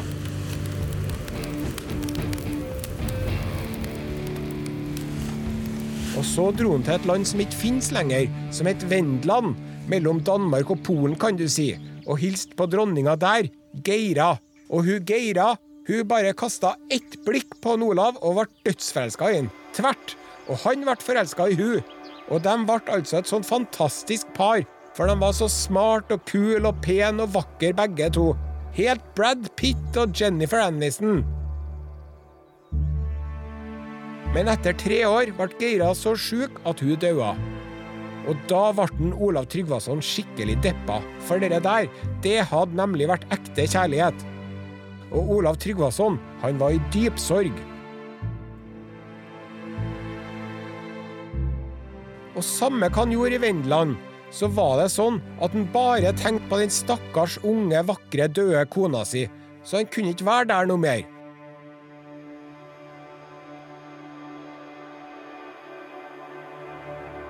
Så han sa til seg sjøl 'miljøskifte', og så for han og herja igjen. Og herja rundt omkring. Og det var ikke noe pingleherjing heller, kan jeg fortelle deg. Det er dikta sånne kvad om herjinga til Olav Tryggvason, og de kvadene de burde hatt 18-årsgrense. For der står det at han hogger i hjel noen og lar ulvene drikke brunt blod av andre og hakke hodet av folk fra Flandern. Og artig nok så er de her groteske og voldelige skildringene de er positivt ment. Det er ment som skryt, rett og slett. Om en Olav Tryggvason hadde mista kona si sjøl og var trist for det, så kvia han seg ikke akkurat med å ordne enke rundt omkring i Europa så det holdt. Så han for nå og herja omkring i flere år. Men så ble han frelst. Jepp, han Olav, han fant Jesus. Og det foregikk på denne måten. På ei øy langt ute i havet, sørvest for England, der traff en Olav Tryggvason på en spåmann. En spåmann som det gikk gjetord om, for han var så utrolig god til å spå. Og så spurte han spåmannen kommer det til å bli noe av meg. Og spåmannen sa uh, du kommer til å bli en stor konge og utrette store ting. Og for at du skal skjønne at jeg vet hva jeg snakker om, når du går ut herfra nå, da kommer du til å bli angrepet av fiender og hardt såra, så du må bære som bor i skipet ditt og nesten dø. Men den sjuende dagen, da blir du frisk igjen. Og rett etter at han spåmannen hadde sagt det der, så skjedde alt det som spåmannen hadde sagt skulle skje. Og den sjuende dagen ble Olav Tryggvason frisk igjen. Og da for han til spåmannen og spurte han, hvordan visste du det der? Og spåmannen bare Nei, det var han Jesus, det. Og da ble Olav Tryggvason frelst og døpt seg. Halleluja! Og så for han til England. Og da han kom med hæren sin og skipene sine til England, da fikk jo alt folket panikk og sprang av gårde og ropte 'Nå kommer han igjen!' Dere forbaska vikingrøverkongen. Pass på ungene deres og konene deres og kyrne deres og sauene deres og sølvet deres og run to the hills! Run for your life! Men Olav Tryggvason bare slapp av, alt er chill, mine herjedager er over, nå er jeg kristen og snill. Og folkene bare oi, ble jo sjokkert, men gledelig overraska over denne vendinga på tingene, og drev ikke akkurat og protesterte mot det heller. Og mens Olav Tryggvason var i England, så kom det ei enkedronning forbi en dag, ved navn Gyda, ei ung og vakker og pen dronning. Nå var ikke hun dronning av selveste England, kanskje mer en slags smådronning fra et av rikene rundt. Men i hvert fall, hun Gyda, hun bare kasta ett blikk på Olav. Bokstavelig talt ett blikk. Og så spurte hun vil ikke du gifte deg med meg? Og Olav Tryggvason bare ja, det kan jeg vel saktens. Men så var det en annen stormann som egentlig hadde tenkt at han skulle gifte seg med dritfine Gyda. Han likte jo ikke det i det hele tatt. Så han utfordra Olav Tryggvason til holmgang. Duell på en holme. Og vinneren skulle få brura. Men det skulle han aldri gjort, for stormannen rakk ikke å løfte sverdet sitt heller ut på denne holmen, før Olav Tryggvason slo sverdet ut av hånda hans og banka opp en og jaga han ut av landet. Og så var han Olav i England en stund sammen med Gyda, men noen ganger dro han til Irland og herja der. Og det var borti Irland at en Olav Tryggvason fikk seg hund. Vige. Og Vige var ikke noe vanlig hund. Å nei, det var en merkelig klok hund. Og den hunden, den ble Olav Tryggvasons trofaste følgesvenn. Ja, kanskje hans aller beste venn og kompis. Hvilken hund var det, lurer kanskje du? Ja, det er ikke godt å si. Folk som har buhund, mener at det var en buhund, mens folk som har irsk ulvehund, mener at det var en irsk ulvehund. Samme det. Super hund, i hvert fall. Men altså, her må vi ta en liten pause. For alt det som står om en Olav Tryggvason i sagaen, det kan man egentlig ikke stole noe særlig på. Historikere og fagfolk de er skeptiske til om det er noe hold i mesteparten. Og det er veldig mye i sagaen som minner om sagn eller eventyr. Dette med sjørøvinga, f.eks., og øksa i skallen på han fyren, og hvordan han ble kristen. Alt dette må du ta med ei klype salt, sier de, historikerne. Men det som de fleste historikerne er enig i, det er at på 990-tallet så var det en vikinghøvding, Olav Tryggvason, som drev og herja rundt i England i flere år. Og denne vikingherjinga, det var virkelig herjing og plyndring satt i system. Og de herja og brant og rana og beleira byer og kidnappa adelsfolk. Og det var rett og slett helt ekstremt. Det var altså som en bibelsk landeplage. Og Olav Tryggvason var nettopp en av de viktigste høvdingene og lederne av denne herjinga. Og noen ganger herja han sammen med den danske kongen, Svein Tveskjegg, og noen ganger herja han uten han. Og den herjinga her, den var så ødeleggende for engelskmennene at de begynte med noe som kalles danegelden, eller danskeskatten. Og det gikk ut på at engelskmennene betalte de her ville, blodtørstige gærningene massevis med penger bare for å få dem til å stoppe med den sinnssyke herjinga si. Den første summen engelskmennene punga ut med, var over tre tonn sølv, som Olav Tryggvason og danskekongen delte mellom seg. Bare noen år etter en ny danskeskatt, denne gangen fem tonn sølv. Fem tonn sølv! Som Olav Tryggvason og danskekongen igjen delte. Og så, etter det, enda en ny danskeskatt, også den på rundt fem tonn sølv. Og nå var Olav Tryggvason ganske så slu og snedig, og kanskje litt sleip òg. For den siste avtalen mellom engelskmennene og vikingene, det var kun mellom Olav og engelskmennene. Danskekongen fikk ikke noe av de sølvpengene der. Olav Tryggvason gribba til seg alt, alene. Og danskekongen, Svein Tveskjegg, han ble skikkelig pissed, og han sverga til seg sjøl at det sviket der, det skal han Olav Tryggvason få igjen for. Men nå var tida endelig moden for at en Olav Tryggvason skulle prøve seg på Norge. Det var jo derfor han hadde samla seg så mye gods og sølv i alle de her årene. Og i sagaen står det at han kommer seilende inn Trondheimsfjorden med bare fem langskip. Han hadde sikkert flere båter enn det, og et stort følge av krigere og prester med. Men altså, viktigst av alt, han Olav Tryggvason hadde med seg den store formuen sin. Hele forbaska danskeskatten. Han hadde med seg kista på kista med sølv. Sølvpenger og sølvbeger og lysestaker og sølvbarrer og i det hele tatt. Så han Olav Tryggvason var styrtrik. Styrtrik, sier jeg. Og da han kom, da kan det hende at den forrige kongen, Håkon Jarl, lå og gjemte seg i grisebingen sammen med trellen sin. Men så er det mange som mener at bøndene allerede har tatt livet av en Håkon Jarl, før Olav Tryggvason kom. Uansett, Olav Tryggvason han kom i grevens tid til landet og øsa rundt seg med gaver til mektige menn overalt. Kjøpte seg venner, rett og slett, og ble hylla til konge i Trøndelag. Så da hadde han jo et godt utgangspunkt, da. For på den tida så var det sånn. Skulle du være konge i Norge, da måtte du først ha kontroll over Trondheimen. Check.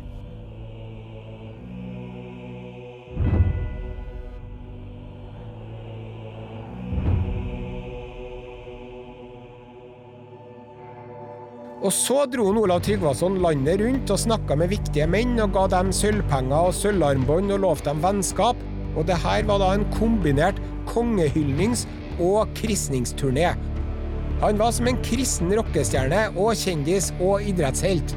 Og overalt hvor han for, så sa han at nå er det Jesus som gjelder, og her skal dere døpes, og vil dere ikke, så skal dere.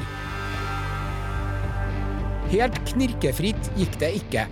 Da Olav kom til Rogaland, kom bøndene til ting, mannsterk og væpna, og var ikke klar for å bli kristen. Men Olav Tryggvason holdt en tale og sa at jo, det skal dere, Jesus er svaret. Men da reiste den mest veltalende av bøndene seg og kremta, og skulle begynne å argumentere mot denne tvangsdøpinga. Men da fikk han ikke fram et kløyva ord, han bare hosta og harka. Gikk ikke an å skjønne hva han sa. Og så tok den nest mest veltalende av bøndene og reiste seg, men han bare stamma. Gikk ikke an å skjønne hva han sa heller. Og så var den tredje mest veltalende av bøndene. Men han var så hes at ingen hørte noen ting. Så da ble det sånn som en Olav Tryggvason ville på tinget i Rogaland lell. Nesten som et lite mirakel, det der høres det ut som.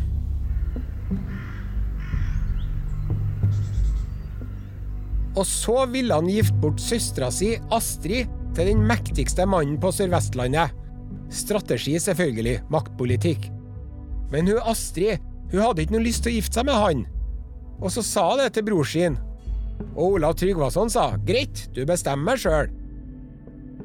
Og så tok en Olav en fugl hun Astrid hadde, en hauk. Og så plukka han alle fjærene av den hauken.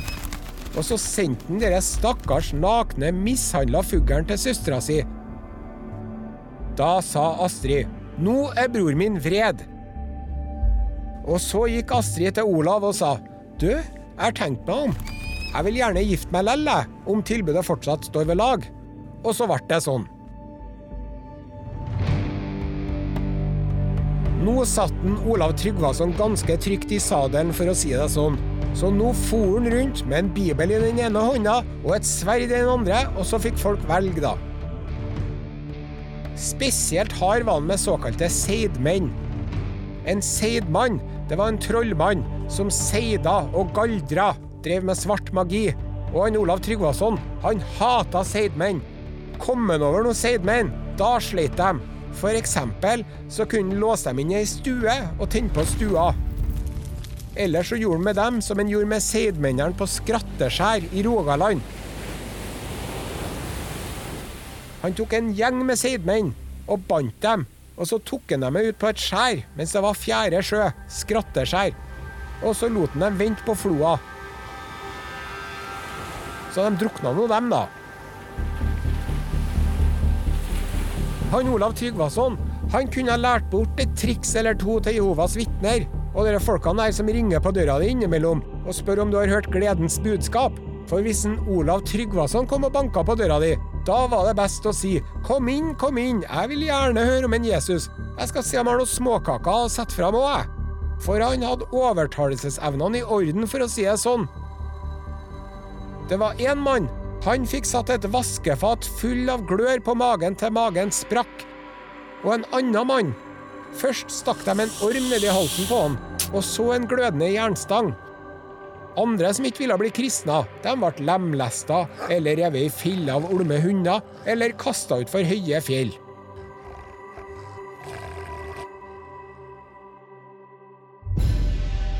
Olav Tryggvason regnes som den andre kristningskongen i Norge. Og han lyktes litt bedre med det prosjektet enn Håkon Adalsteinsfostre, som var den første. Men så brukte han også litt andre metoder, da, for å si det mildt. Og han ville kristne islendinger nå, og sendte misjonærer til Island. Og da de misjonærene kom tilbake til Trondheim med uforretta sak og sa at islendingene er ikke noe interessert i det, da klikka han igjen og samla sammen alle islendingene i hele Trondheim og skulle slå i hjel dem. Men heldigvis så fikk de overtalt han til ikke å gjøre det. Men de ble nå døpt, i hvert fall, da. Alle islendingene som var her.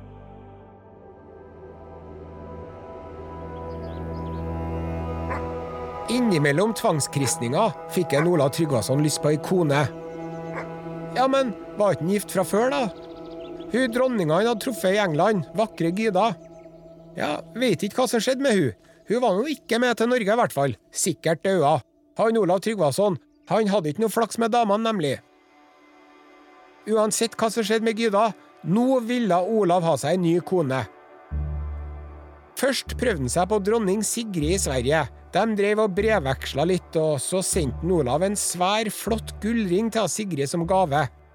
Og det er litt artig, for den gullringen der, den hadde han tatt fra hovet til en Håkon Jarl da han reiv ned det. Et hov, det var da et hedensk gudshus. Og der hadde sikkert Håkon Jarl ofra den ringen til sin egen personlige favorittgudinne Torgerd Helgabrud. Den hang nå på døra på hovet til en Håkon Jarl, den der store gullringen. Et praktstykke. Og gullringen ble som sagt sendt til dronning Sigrid i Sverige. Men så var det to smeder som var til dronninga, og de drev og hviska og tiska og tok på gullringen og løfta på den og mumla til hverandre. Og dronning Sigrid lurte på hva de drev og mumla om, og de ville ikke si noe. Men så sa Sigrid jo, si meg hva det er nå, da. Og så sa de at den gullringen der, den er falsk. Og så knakk de sund gullringen, og tror du ikke det var kobber inni? Og det kunne jo ikke Ola Tryggvason vite, han hadde jo handla i god tro. Men dronning Sigrid ble skikkelig sur. Men lell så var ikke hun helt uinteressert i å gifte seg med en Olav Tryggvason. Og da de møttes, da, kong Olav og dronning Sigrid, og forhandla om at de skulle giftes, så var alt i orden, helt til Olav Tryggvason sa ja, og så må du døpe deg og bli kristen. Men Sigrid bare nei, det skal jeg ikke. Og det vet jo vi nå, at var det én måte du kunne sterre opp kong Olav Tryggvason på, så var det å ikke bli kristen når han sa at du skulle bli kristen. Så da Sigrid sa nei, da klikka det for han rett og slett, og så sa han tror du jeg vil ha deg hedensk som en hund? Og så slo han henne i ansiktet med hansken sin. Og da sa Sigrid dere skal du få angre deg på. Og så ble det ikke noe av det giftermålet, for å si det sånn. Så han Olav Tryggvason, han for nå rundt og kristna folk i Norge. Og i Trondheimen slo han i hjel en mann som het Jernskjegget, som ikke ville kristnes. Men han Jernskjegget, han var en så viktig mann at drapet på han gjorde at det ble veldig dårlig stemning i Trondheimen. Så Olav drev og forhandla med vennene til han Jernskjegget om de ikke kunne komme til ei ordning og bli venner igjen. Og så avtalte de at Olav Tryggvason skulle gifte seg med dattera til en Jernskjegget, Gudrun. Og så gifta han seg med hun. Men den natta, altså bryllupsnatta, da han hadde sovna, Olav Tryggvason, da trakk Gudrun en kniv og skulle stikke han med den, sikkert for å hevne far sin. Men heldigvis så våkna Ola Tryggvason og tok kniven fra henne og gikk til mennene sine og sa 'Dæven, gutta'. Og Gudrun kledde på seg og dro sin vei og kom aldri mer i samme senga som Olav Ståle i sagaen.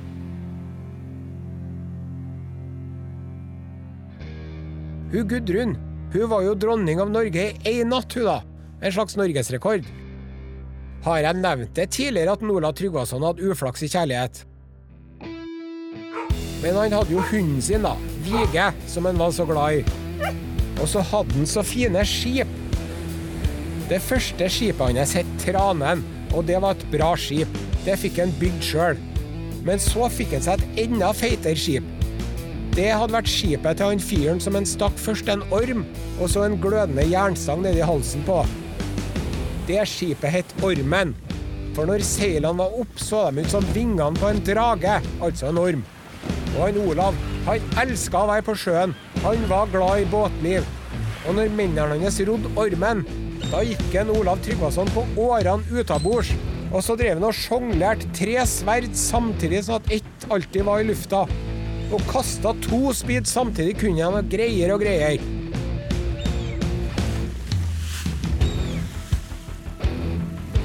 Ormen var et bra skip, det, for all del, men lell så var ikke han helt fornøyd, han Olav. Så han fikk bygd et skip til. Ormen Lange. Og da kalte han gammelbåten Ormen Stutte. Og Ormen Lange, det var det største, vakreste og dyreste skipet som fantes, med gyllent dragehode foran og gylden dragehale bak. Det beste skipet bygd i Norge noensinne. Og så gifta Ola Tryggvason seg igjen.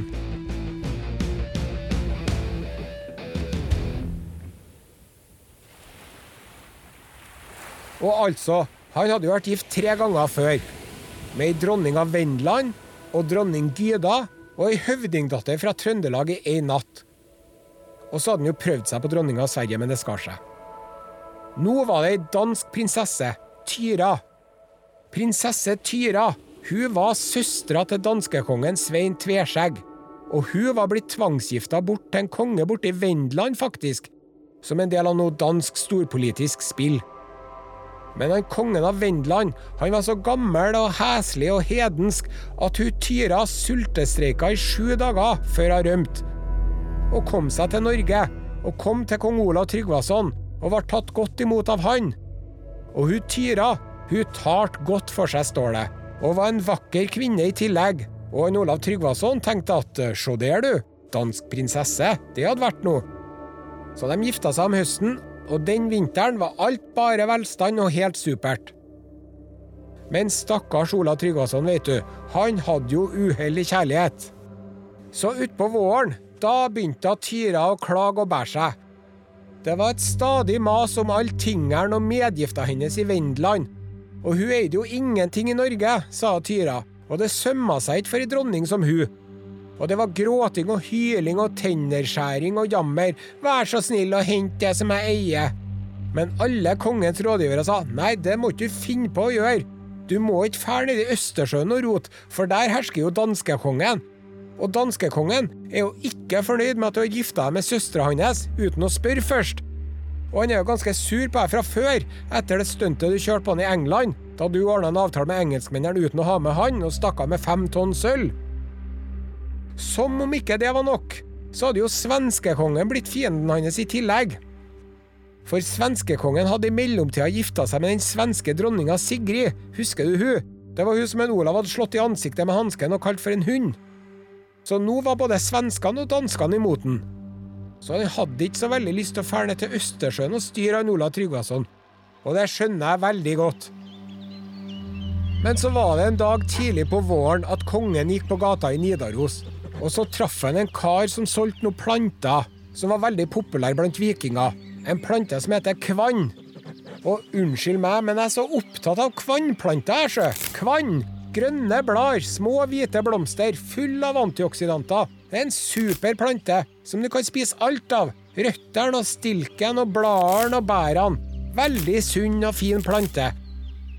Og de kvannene mannen hadde, de var så usedvanlig store og fine for årstida, så kongen kjøpte en kvann og gikk hjem til dronning Tyra som satt og stura, og så gikk en Olav bort til kona si og sa Se fine kvannstilken jeg har til deg.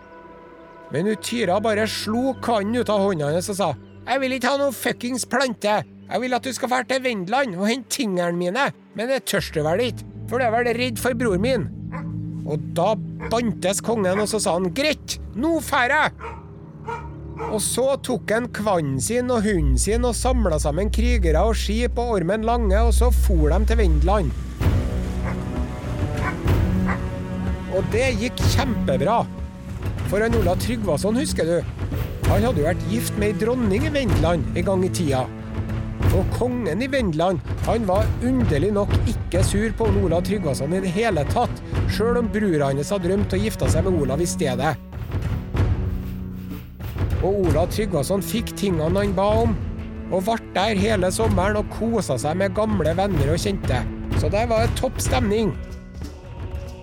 Og så skulle han hjem igjen, og takka for seg og la på vei, Olav med flåten sin og hæren sin. Og så kom de til en plass som heter Svolder. Og Svolder, det er ingen i dag som vet sikkert hvor det er hen. Men i hvert fall, der lå de og venta på han i bakhold, de verste fiendene hans. Danskekongen, Svein Tveskjegg, en slags dødsfiende av en Olav. Svenskekongen, mannen til hun hadde slått med hansken og kalt for en hund.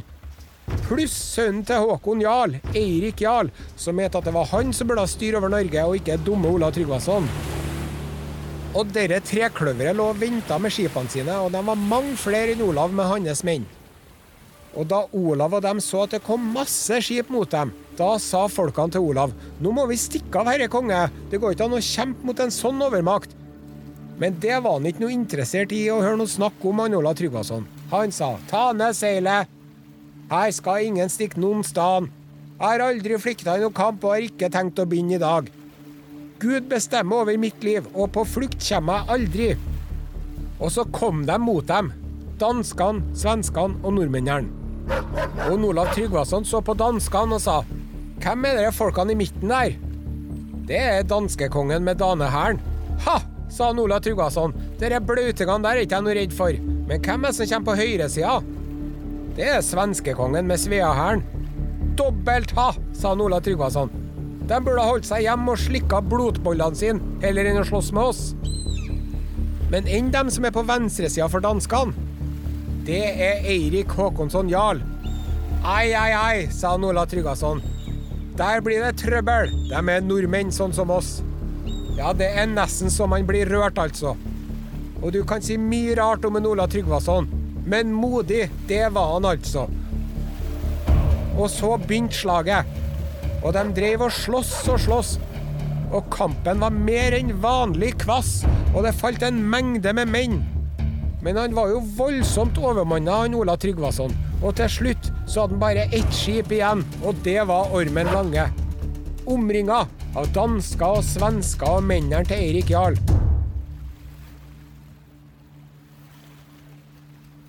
Han Olav Tryggvason hadde med seg en voldsom kriger og svær mann ved navn Einar Tambarskjelvet. Tambarskjelvet betyr den dirrende buestrengen, og Einar betyr ensom kriger. Så Einar Tambarskjelvet da den ensomme krigeren med den dirrende buestrengen. Og navnet passa bra, for det var ingen, ingen som var så god med pil og bue som en Einar Tambarskjelvet.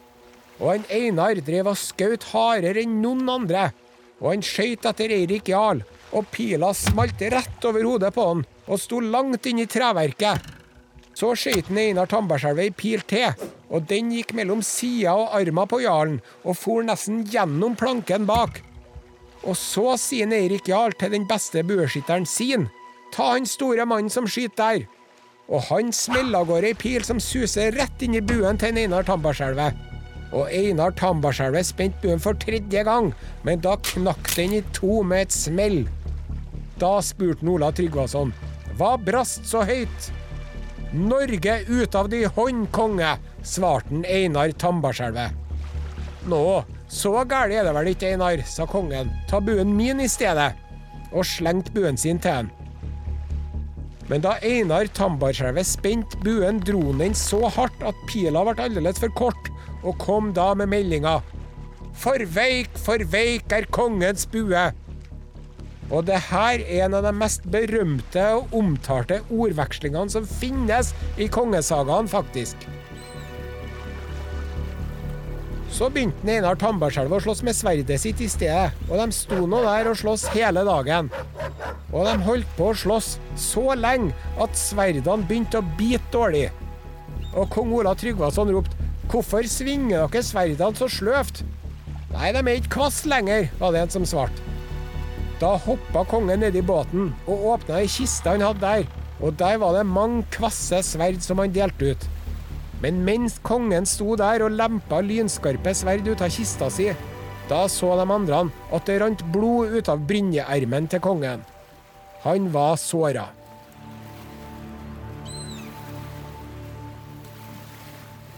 Så det gikk nå som det måtte gå. Ormen Lange ble overmanna. Til slutt var det bare en håndfull menn igjen bakerst i Ormen Lange, og hunden Vige lå under dekk. Og det siste de så til kong Olav Tryggvason, var at han tok skjoldet over seg og hoppa på sjøen.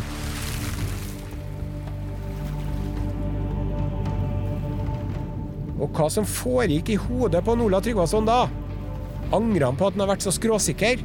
Ba han til Gud? Forbanna han skjebnen? Det er ikke godt å si. Men da var slaget ved Svolder over. Og Eirik Jarl sto på dekket av Ormen Lange. Han var vinneren. Hva som skjedde med Olav Tryggvason, er det ingen som vet. Mest sannsynlig drukna han i det kalde vannet, såra som han var med tung brynje og rustning. Men de fant aldri liket, så etterpå ble det litt med Olav Tryggvason som det er med Elvis.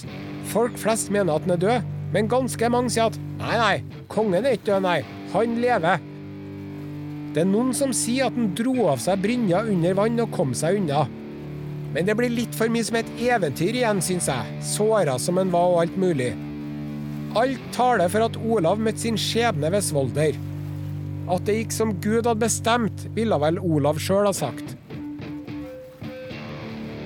Hvordan det nå enn var, kom en Olav Tryggvason seg aldri tilbake til Norge, skriver Snorre, og det må vi nå tro på. Men kongens hund kom seg tilbake. Vige ble med Ormen Lange hjem til Norge, og det første som skjedde da de kom dit, var at Vige sprang i land oppå en haug, og der lå han til han var død. Hunden Vige døde av sorg og savn.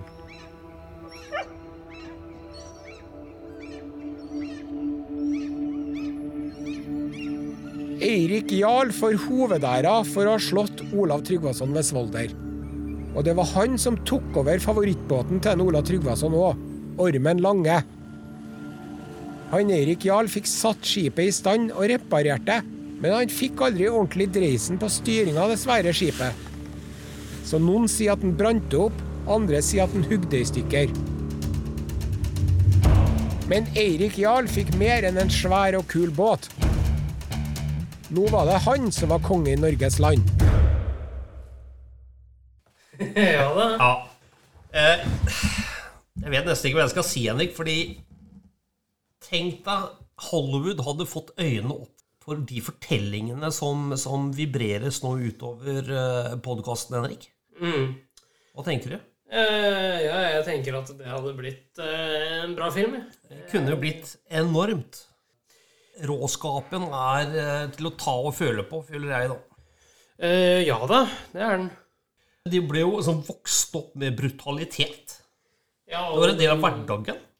Hæ? Det var en del av hverdagen. Ja, de fikk jo det inn da fra eh, barnsbenna. Ja. Eh, så det var på en måte naturlig for dem, da. Ja.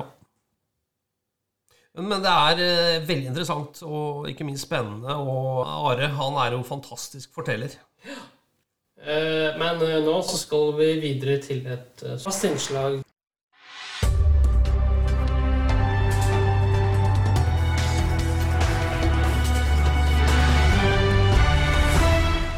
NRK-hjørnet.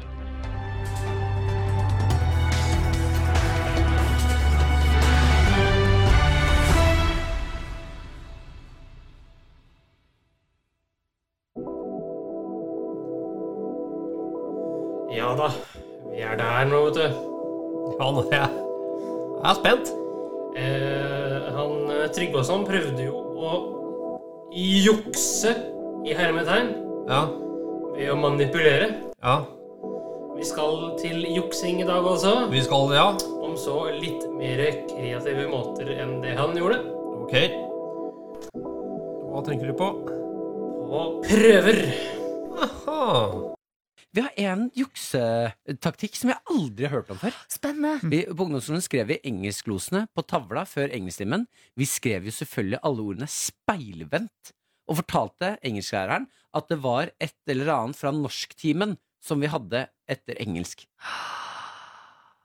Så du må, da, engelsklæreren Ja, kan er ikke sånn, fjerne deg. Ja, la det stå. Ja, la. Og så er det speilvendt. bokstaver. ja. Men er ikke, jeg har aldri hørt om at hele klassen går sammen og bare Ok, folkens, speilvendt stade for meg. For et teamwork. Ja, virkelig. Hvor er dere den dag i dag? Genier.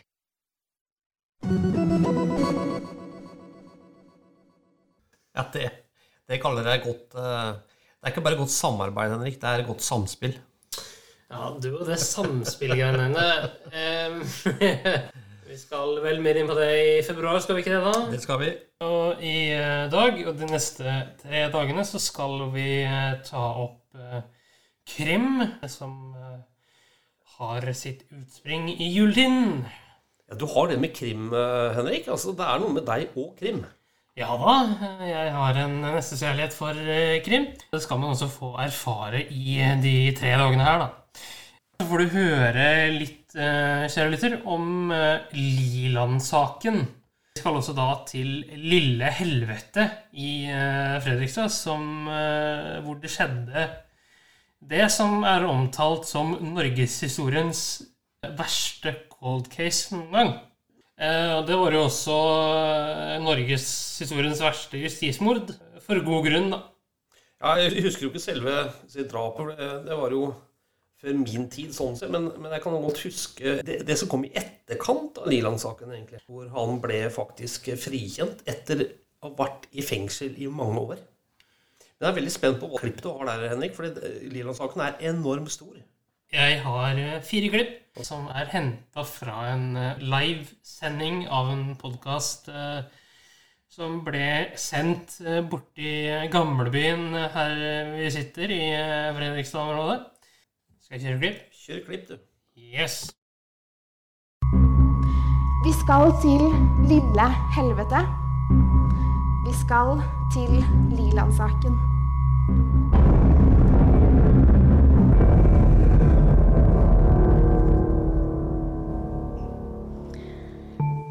Historien starter i Glemmengata 73 her i Fredrikstad. I Glemmengata 73 bor Jon Olav Larsen. Det er formiddag. Klokken er 10.45 på selveste julaften den 24. desember 1969. Så dette er et par år siden. Folk er hjemme og pynter, lager julemat. Kanskje pakker inn de siste pakkene. Fredrikstad politikammer får en melding om et dobbeltdrap. De rykker straks ut til åstedet. På veien til Glemmengata 73 påtreffer politiet tre menn. Deriblant Per Christian Liland, som skal ha stor betydning for denne saken. Nesten med en gang politiet kommer til Jon Olav Larsens hus, kjenner de lukten av gammelt fyll. Det lukter innestengt og rått. Men det lukter også noe annet. Det lukter metall, altså blod, og forråtnelse. Det betyr bare én ting. Her har noen dødd. Det visste jo politiet på forhånd. Men jeg tror ikke de var forberedt på akkurat hva de skulle se. Inne i huset er det ganske mørkt. Gardiner er trukket for. Det er fullt av gamle sprit- og ølflasker, sigarettsneiper, matrester, søppel. Det er også blod overalt.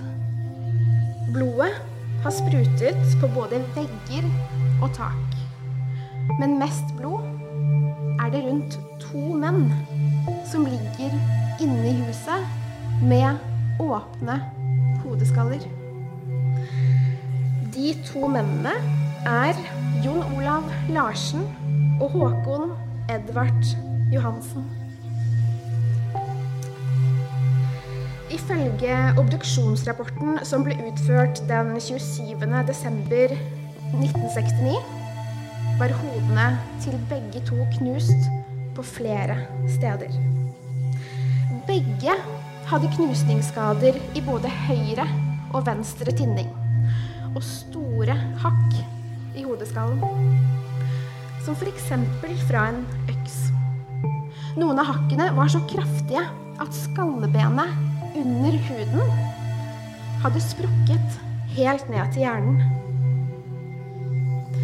Hva hadde skjedd her? Og hvem hadde klart å drepe to ganske kraftige karer på et så brutalt vis? Var det én eller flere gjerningsmenn? Før vi går videre, syns jeg det er viktig å gå litt nærmere inn på hva slags sted dette var. Glemmengata 73. Det var nemlig ikke noe vanlig, koselig hus hvor en hyggelig familie bodde med barn og lykkelige mennesker. Glemmengata 73 ble kalt Lille helvete. Kanskje passende for et så brutalt dobbeltmord. Huset var kjent i nærmiljøet. Faktisk ganske godt kjent i hele Fredrikstad. De var knyttet til det tunge rusmiljøet, hvor det florerte såkalte verstinger. Det var ofte fyllebråk, høy musikk hele natten, slåsskamper. Folk spydde og urinerte i hager og på gaten utenfor. Det var faktisk et skikkelig helvete. Politipatruljer var ofte innom huset. Enten for å be de som oppholdt seg der, om å være stille, ordne opp i fyllekrangler som eskalerte, eller for å se etter ettersøkte kriminelle som kanskje gjemte seg der. Og de som gjemte seg der, eller bare oppholdt seg på adressen, var kjente kriminelle, eller såkalte fylliker, om det er lov å si. Tilbake til julaften 1969. Politiet kontakter en lege, slik at han skal kunne erklære de to personene døde. Nå var det jo ikke noe tvil om at Larsen og Johansen var døde. Dels pga. de store hodeskadene, og dels fordi de tydeligvis hadde vært døde en stund. Jeg vet ikke hvor mange av dere som har sett døde mennesker før. Men de som har sett det, vet hvor kritthvite de blir i huden. Nesten blåaktige. De får såkalte dødsflekker etter hvert. Og når det går lang nok tid, begynner f.eks. fingre, tær, nesen, kanskje ører å bli misfargede. Nesten blågrønne. Nå hadde ikke den prosessen startet hos Larsen og Johansen, men legen som ble tilkalt, ankom åstedet i Glemmengata 73 ca. klokken 12, dvs. Si én time og et kvarter etter at Fredrikstad politikammer fikk melding om dobbeltdrapet. Når en lege kommer til et åsted, er det først og fremst for å konstatere og erklære at døden har inntruffet. Han eller hun, men i dette tilfellet var det en mann, en lege ved navn Mikael Frestad, som for ordens skyld var allmennlege. Doktor Frestad sjekket etter vanlige vitale tegn som puls, pust og at pupillene ikke reagerte på lys. Han uttalte nesten med en gang han så likene at han kunne intet annet gjøre enn å konstatere at døden hadde inntrådt. Det var pga. de massive hodeskader Larsen og Johansen var påført. Begge likene var også kalde og stive. To klassiske dødstegn. Det er litt interessant, faktisk, dette med dødstidspunktet. Og det skulle komme til å ha stor betydning i rettssaken. Ifølge en av mine favorittbøker, 'Lærebok i rettsmedisin', skrevet av Torleif Ole Rognum, som jeg bruker mye når jeg skriver episoder til True Crime Podden, begynner vanligvis dødsstivheten mellom to og fem timer etter at døden inntreffer. Den utvikler seg maksimalt etter tolv timer.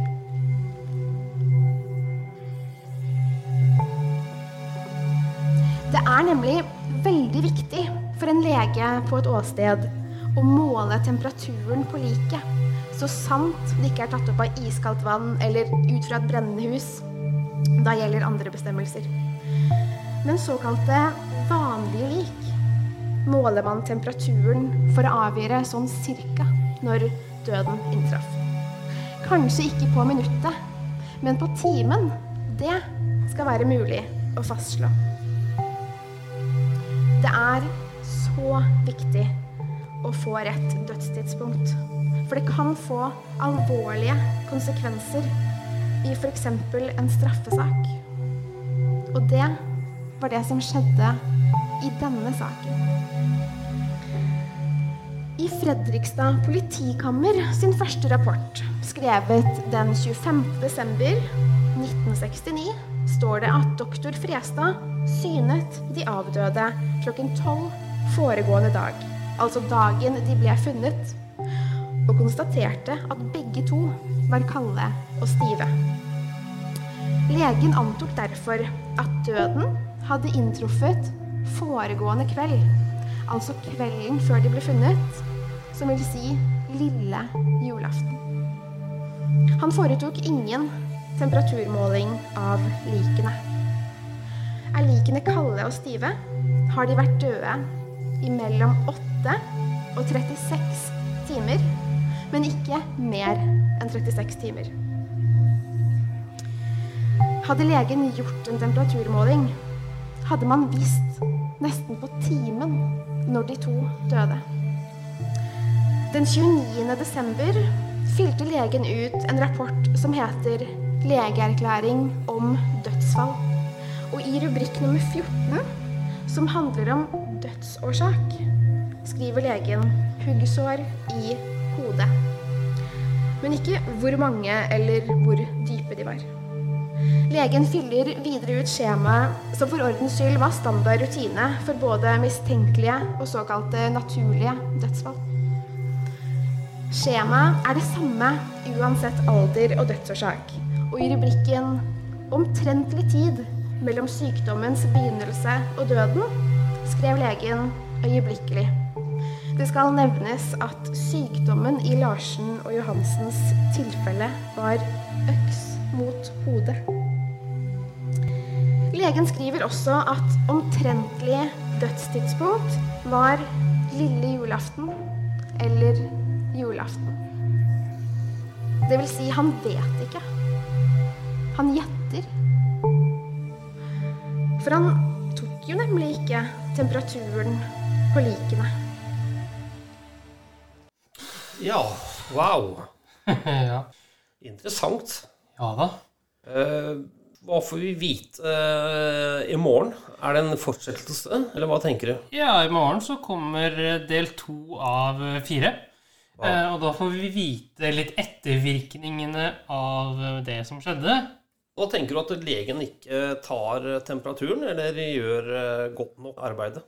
Nei, altså, eh, Det at man ikke tar temperaturen på lik rett etter at han har dødd, det virker jo for meg veldig suspekt. Her jeg sitter Jeg har bare to spørsmål når det gjelder det. Det er Hadde legen tatt temperaturen dersom mordet hadde vært i et annet hus?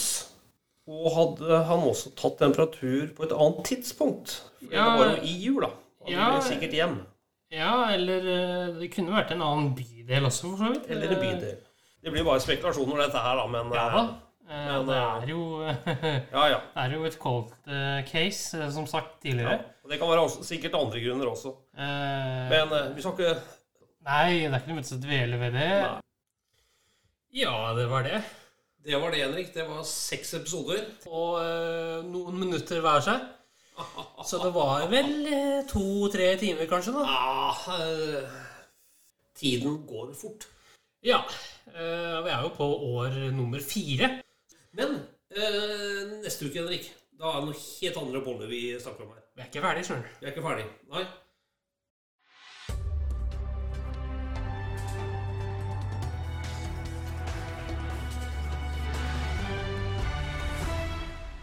NRK-hjørnet.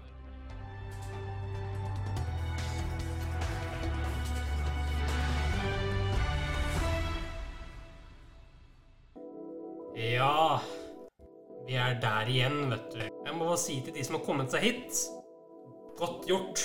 Ja, det må jeg si. For det var veldig mye lidelse og død med sånne ting i år. Nei, men det bare forteller at de lytterne vi har, de, de ønsker å ha mer av. Ja, du lytter på eget ansvar, selvfølgelig. Ja. Vi kan ikke stå ansvarlig for at du kanskje får mareritt.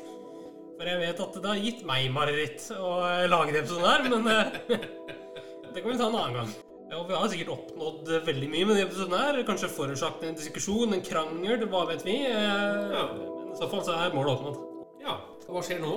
Nå skjer NRK Best of. Yes.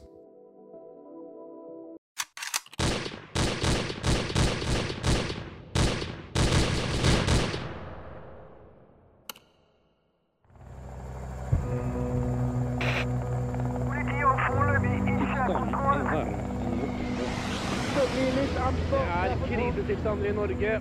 Mitt navn er Nasser El-Bader. Jeg har kommet tilbake til Oslo for å sjekke hvordan er Norge blitt etter at alle utlendinger er forsvant.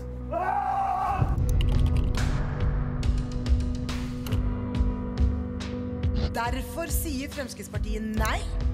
Er dette til å leve med? Alt er til å leve med. Og her vi står utenfor Norges siste kebab. La oss gå inn og se. Hva er det du lager for noe ute? Brunost shawarma. Det er jo litt godt, men det er på en måte ikke det samme. Det er ikke det samme som kebab i pita, liksom. Her, vær så god. Det var sjokkerende å se kebab på denne måten. Etter at alle utlendinger forsvant, det er bare én taxi igjen. Hva, hva syns du om situasjonen her? Nei, det er jo, det er jo litt eh, Jeg har ikke, har ikke kontroll. Nei, jeg har ikke plass til det. Men, eh, Kom deg unna! Det er kaotiske tilstander i Oslo. Det er nesten ikke taxier. Kan du komme? Men se her, han sover her. Altså. Ta han ut, altså. Hvor er politiet? Nei, si det. Hei!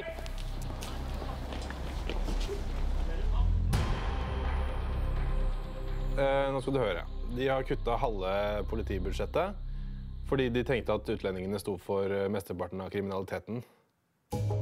Så kan du se ut, eh, se ut av døra og se hvor lite kriminalitet det er. Politiet er ikke mange nok for å håndtere kaoset. Det begynte å bli litt ampert her på torget nå. Hender det at det går ei kule bak? Ja, selvfølgelig. Til og med de som var mot utlendinger, de vil ha dem tilbake. Max Hermansen har stått i spissen.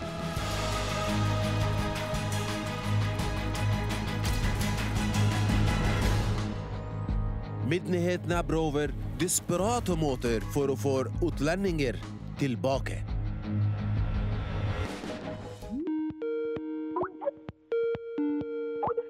Yes, hello.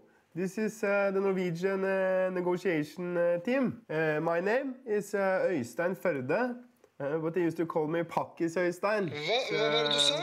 Pa Pakkis Øystein. This is uh, because I used to hang with you guys. Uh,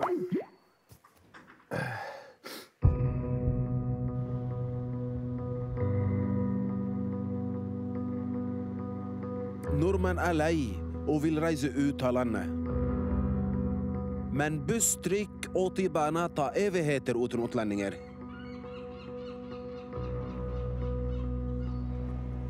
Her en gang på Grønlandstorv? Her, her en gang på Grønland... Her en gang på Grønlandstorv var eksotisk liv, masse folk. I dag er bare gåstaul. Eh, slapper av, kamerat. Det er bare TV her. Det er ikke noe kebab. Fytti helvete. Eh, slapp, slapp, slapp! slapp, slapp, slapp, slapp, slapp, slapp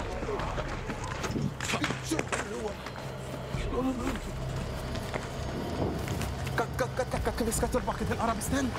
Dette er altfor farlig. Løp, løp, løp, løp. Ja, øh, men før vi stikker, så kan vi jo kile lytteren litt, kan vi ikke det? da? Jo da. Hva tenker du? Eh, jo, neste uke så skal vi snakke om noe som kanskje provoserer, eh, får folk til å diskutere, krangle osv. Vi skal snakke om frykt. Ja, og det å være fryktløs. Ja, rett og slett ikke frykte noen ting. Og vi skal eh, høre eksempler på hva det vil si, og vi skal høre om en diagnose hvor det kan være tilfellet. Jeg gleder meg, Henrik. Det blir bra, det. Så det er bare å glede seg til det, kjære lytter. Og det er sagt nok en gang. Du hører på Ikke ansvar. Det er ikke vårt ansvar hvis du får mareritt, som sagt. Men med det vi vel runde av, kan vi ikke det, da? Vi runder av, kjære sønn, og vi sier på gjensyn. På gjensyn. Tusen takk for at du fulgte oss. Gi gjerne tilbakemelding, likes eller kommentar på Facebook-siden vår Generation X versus Z.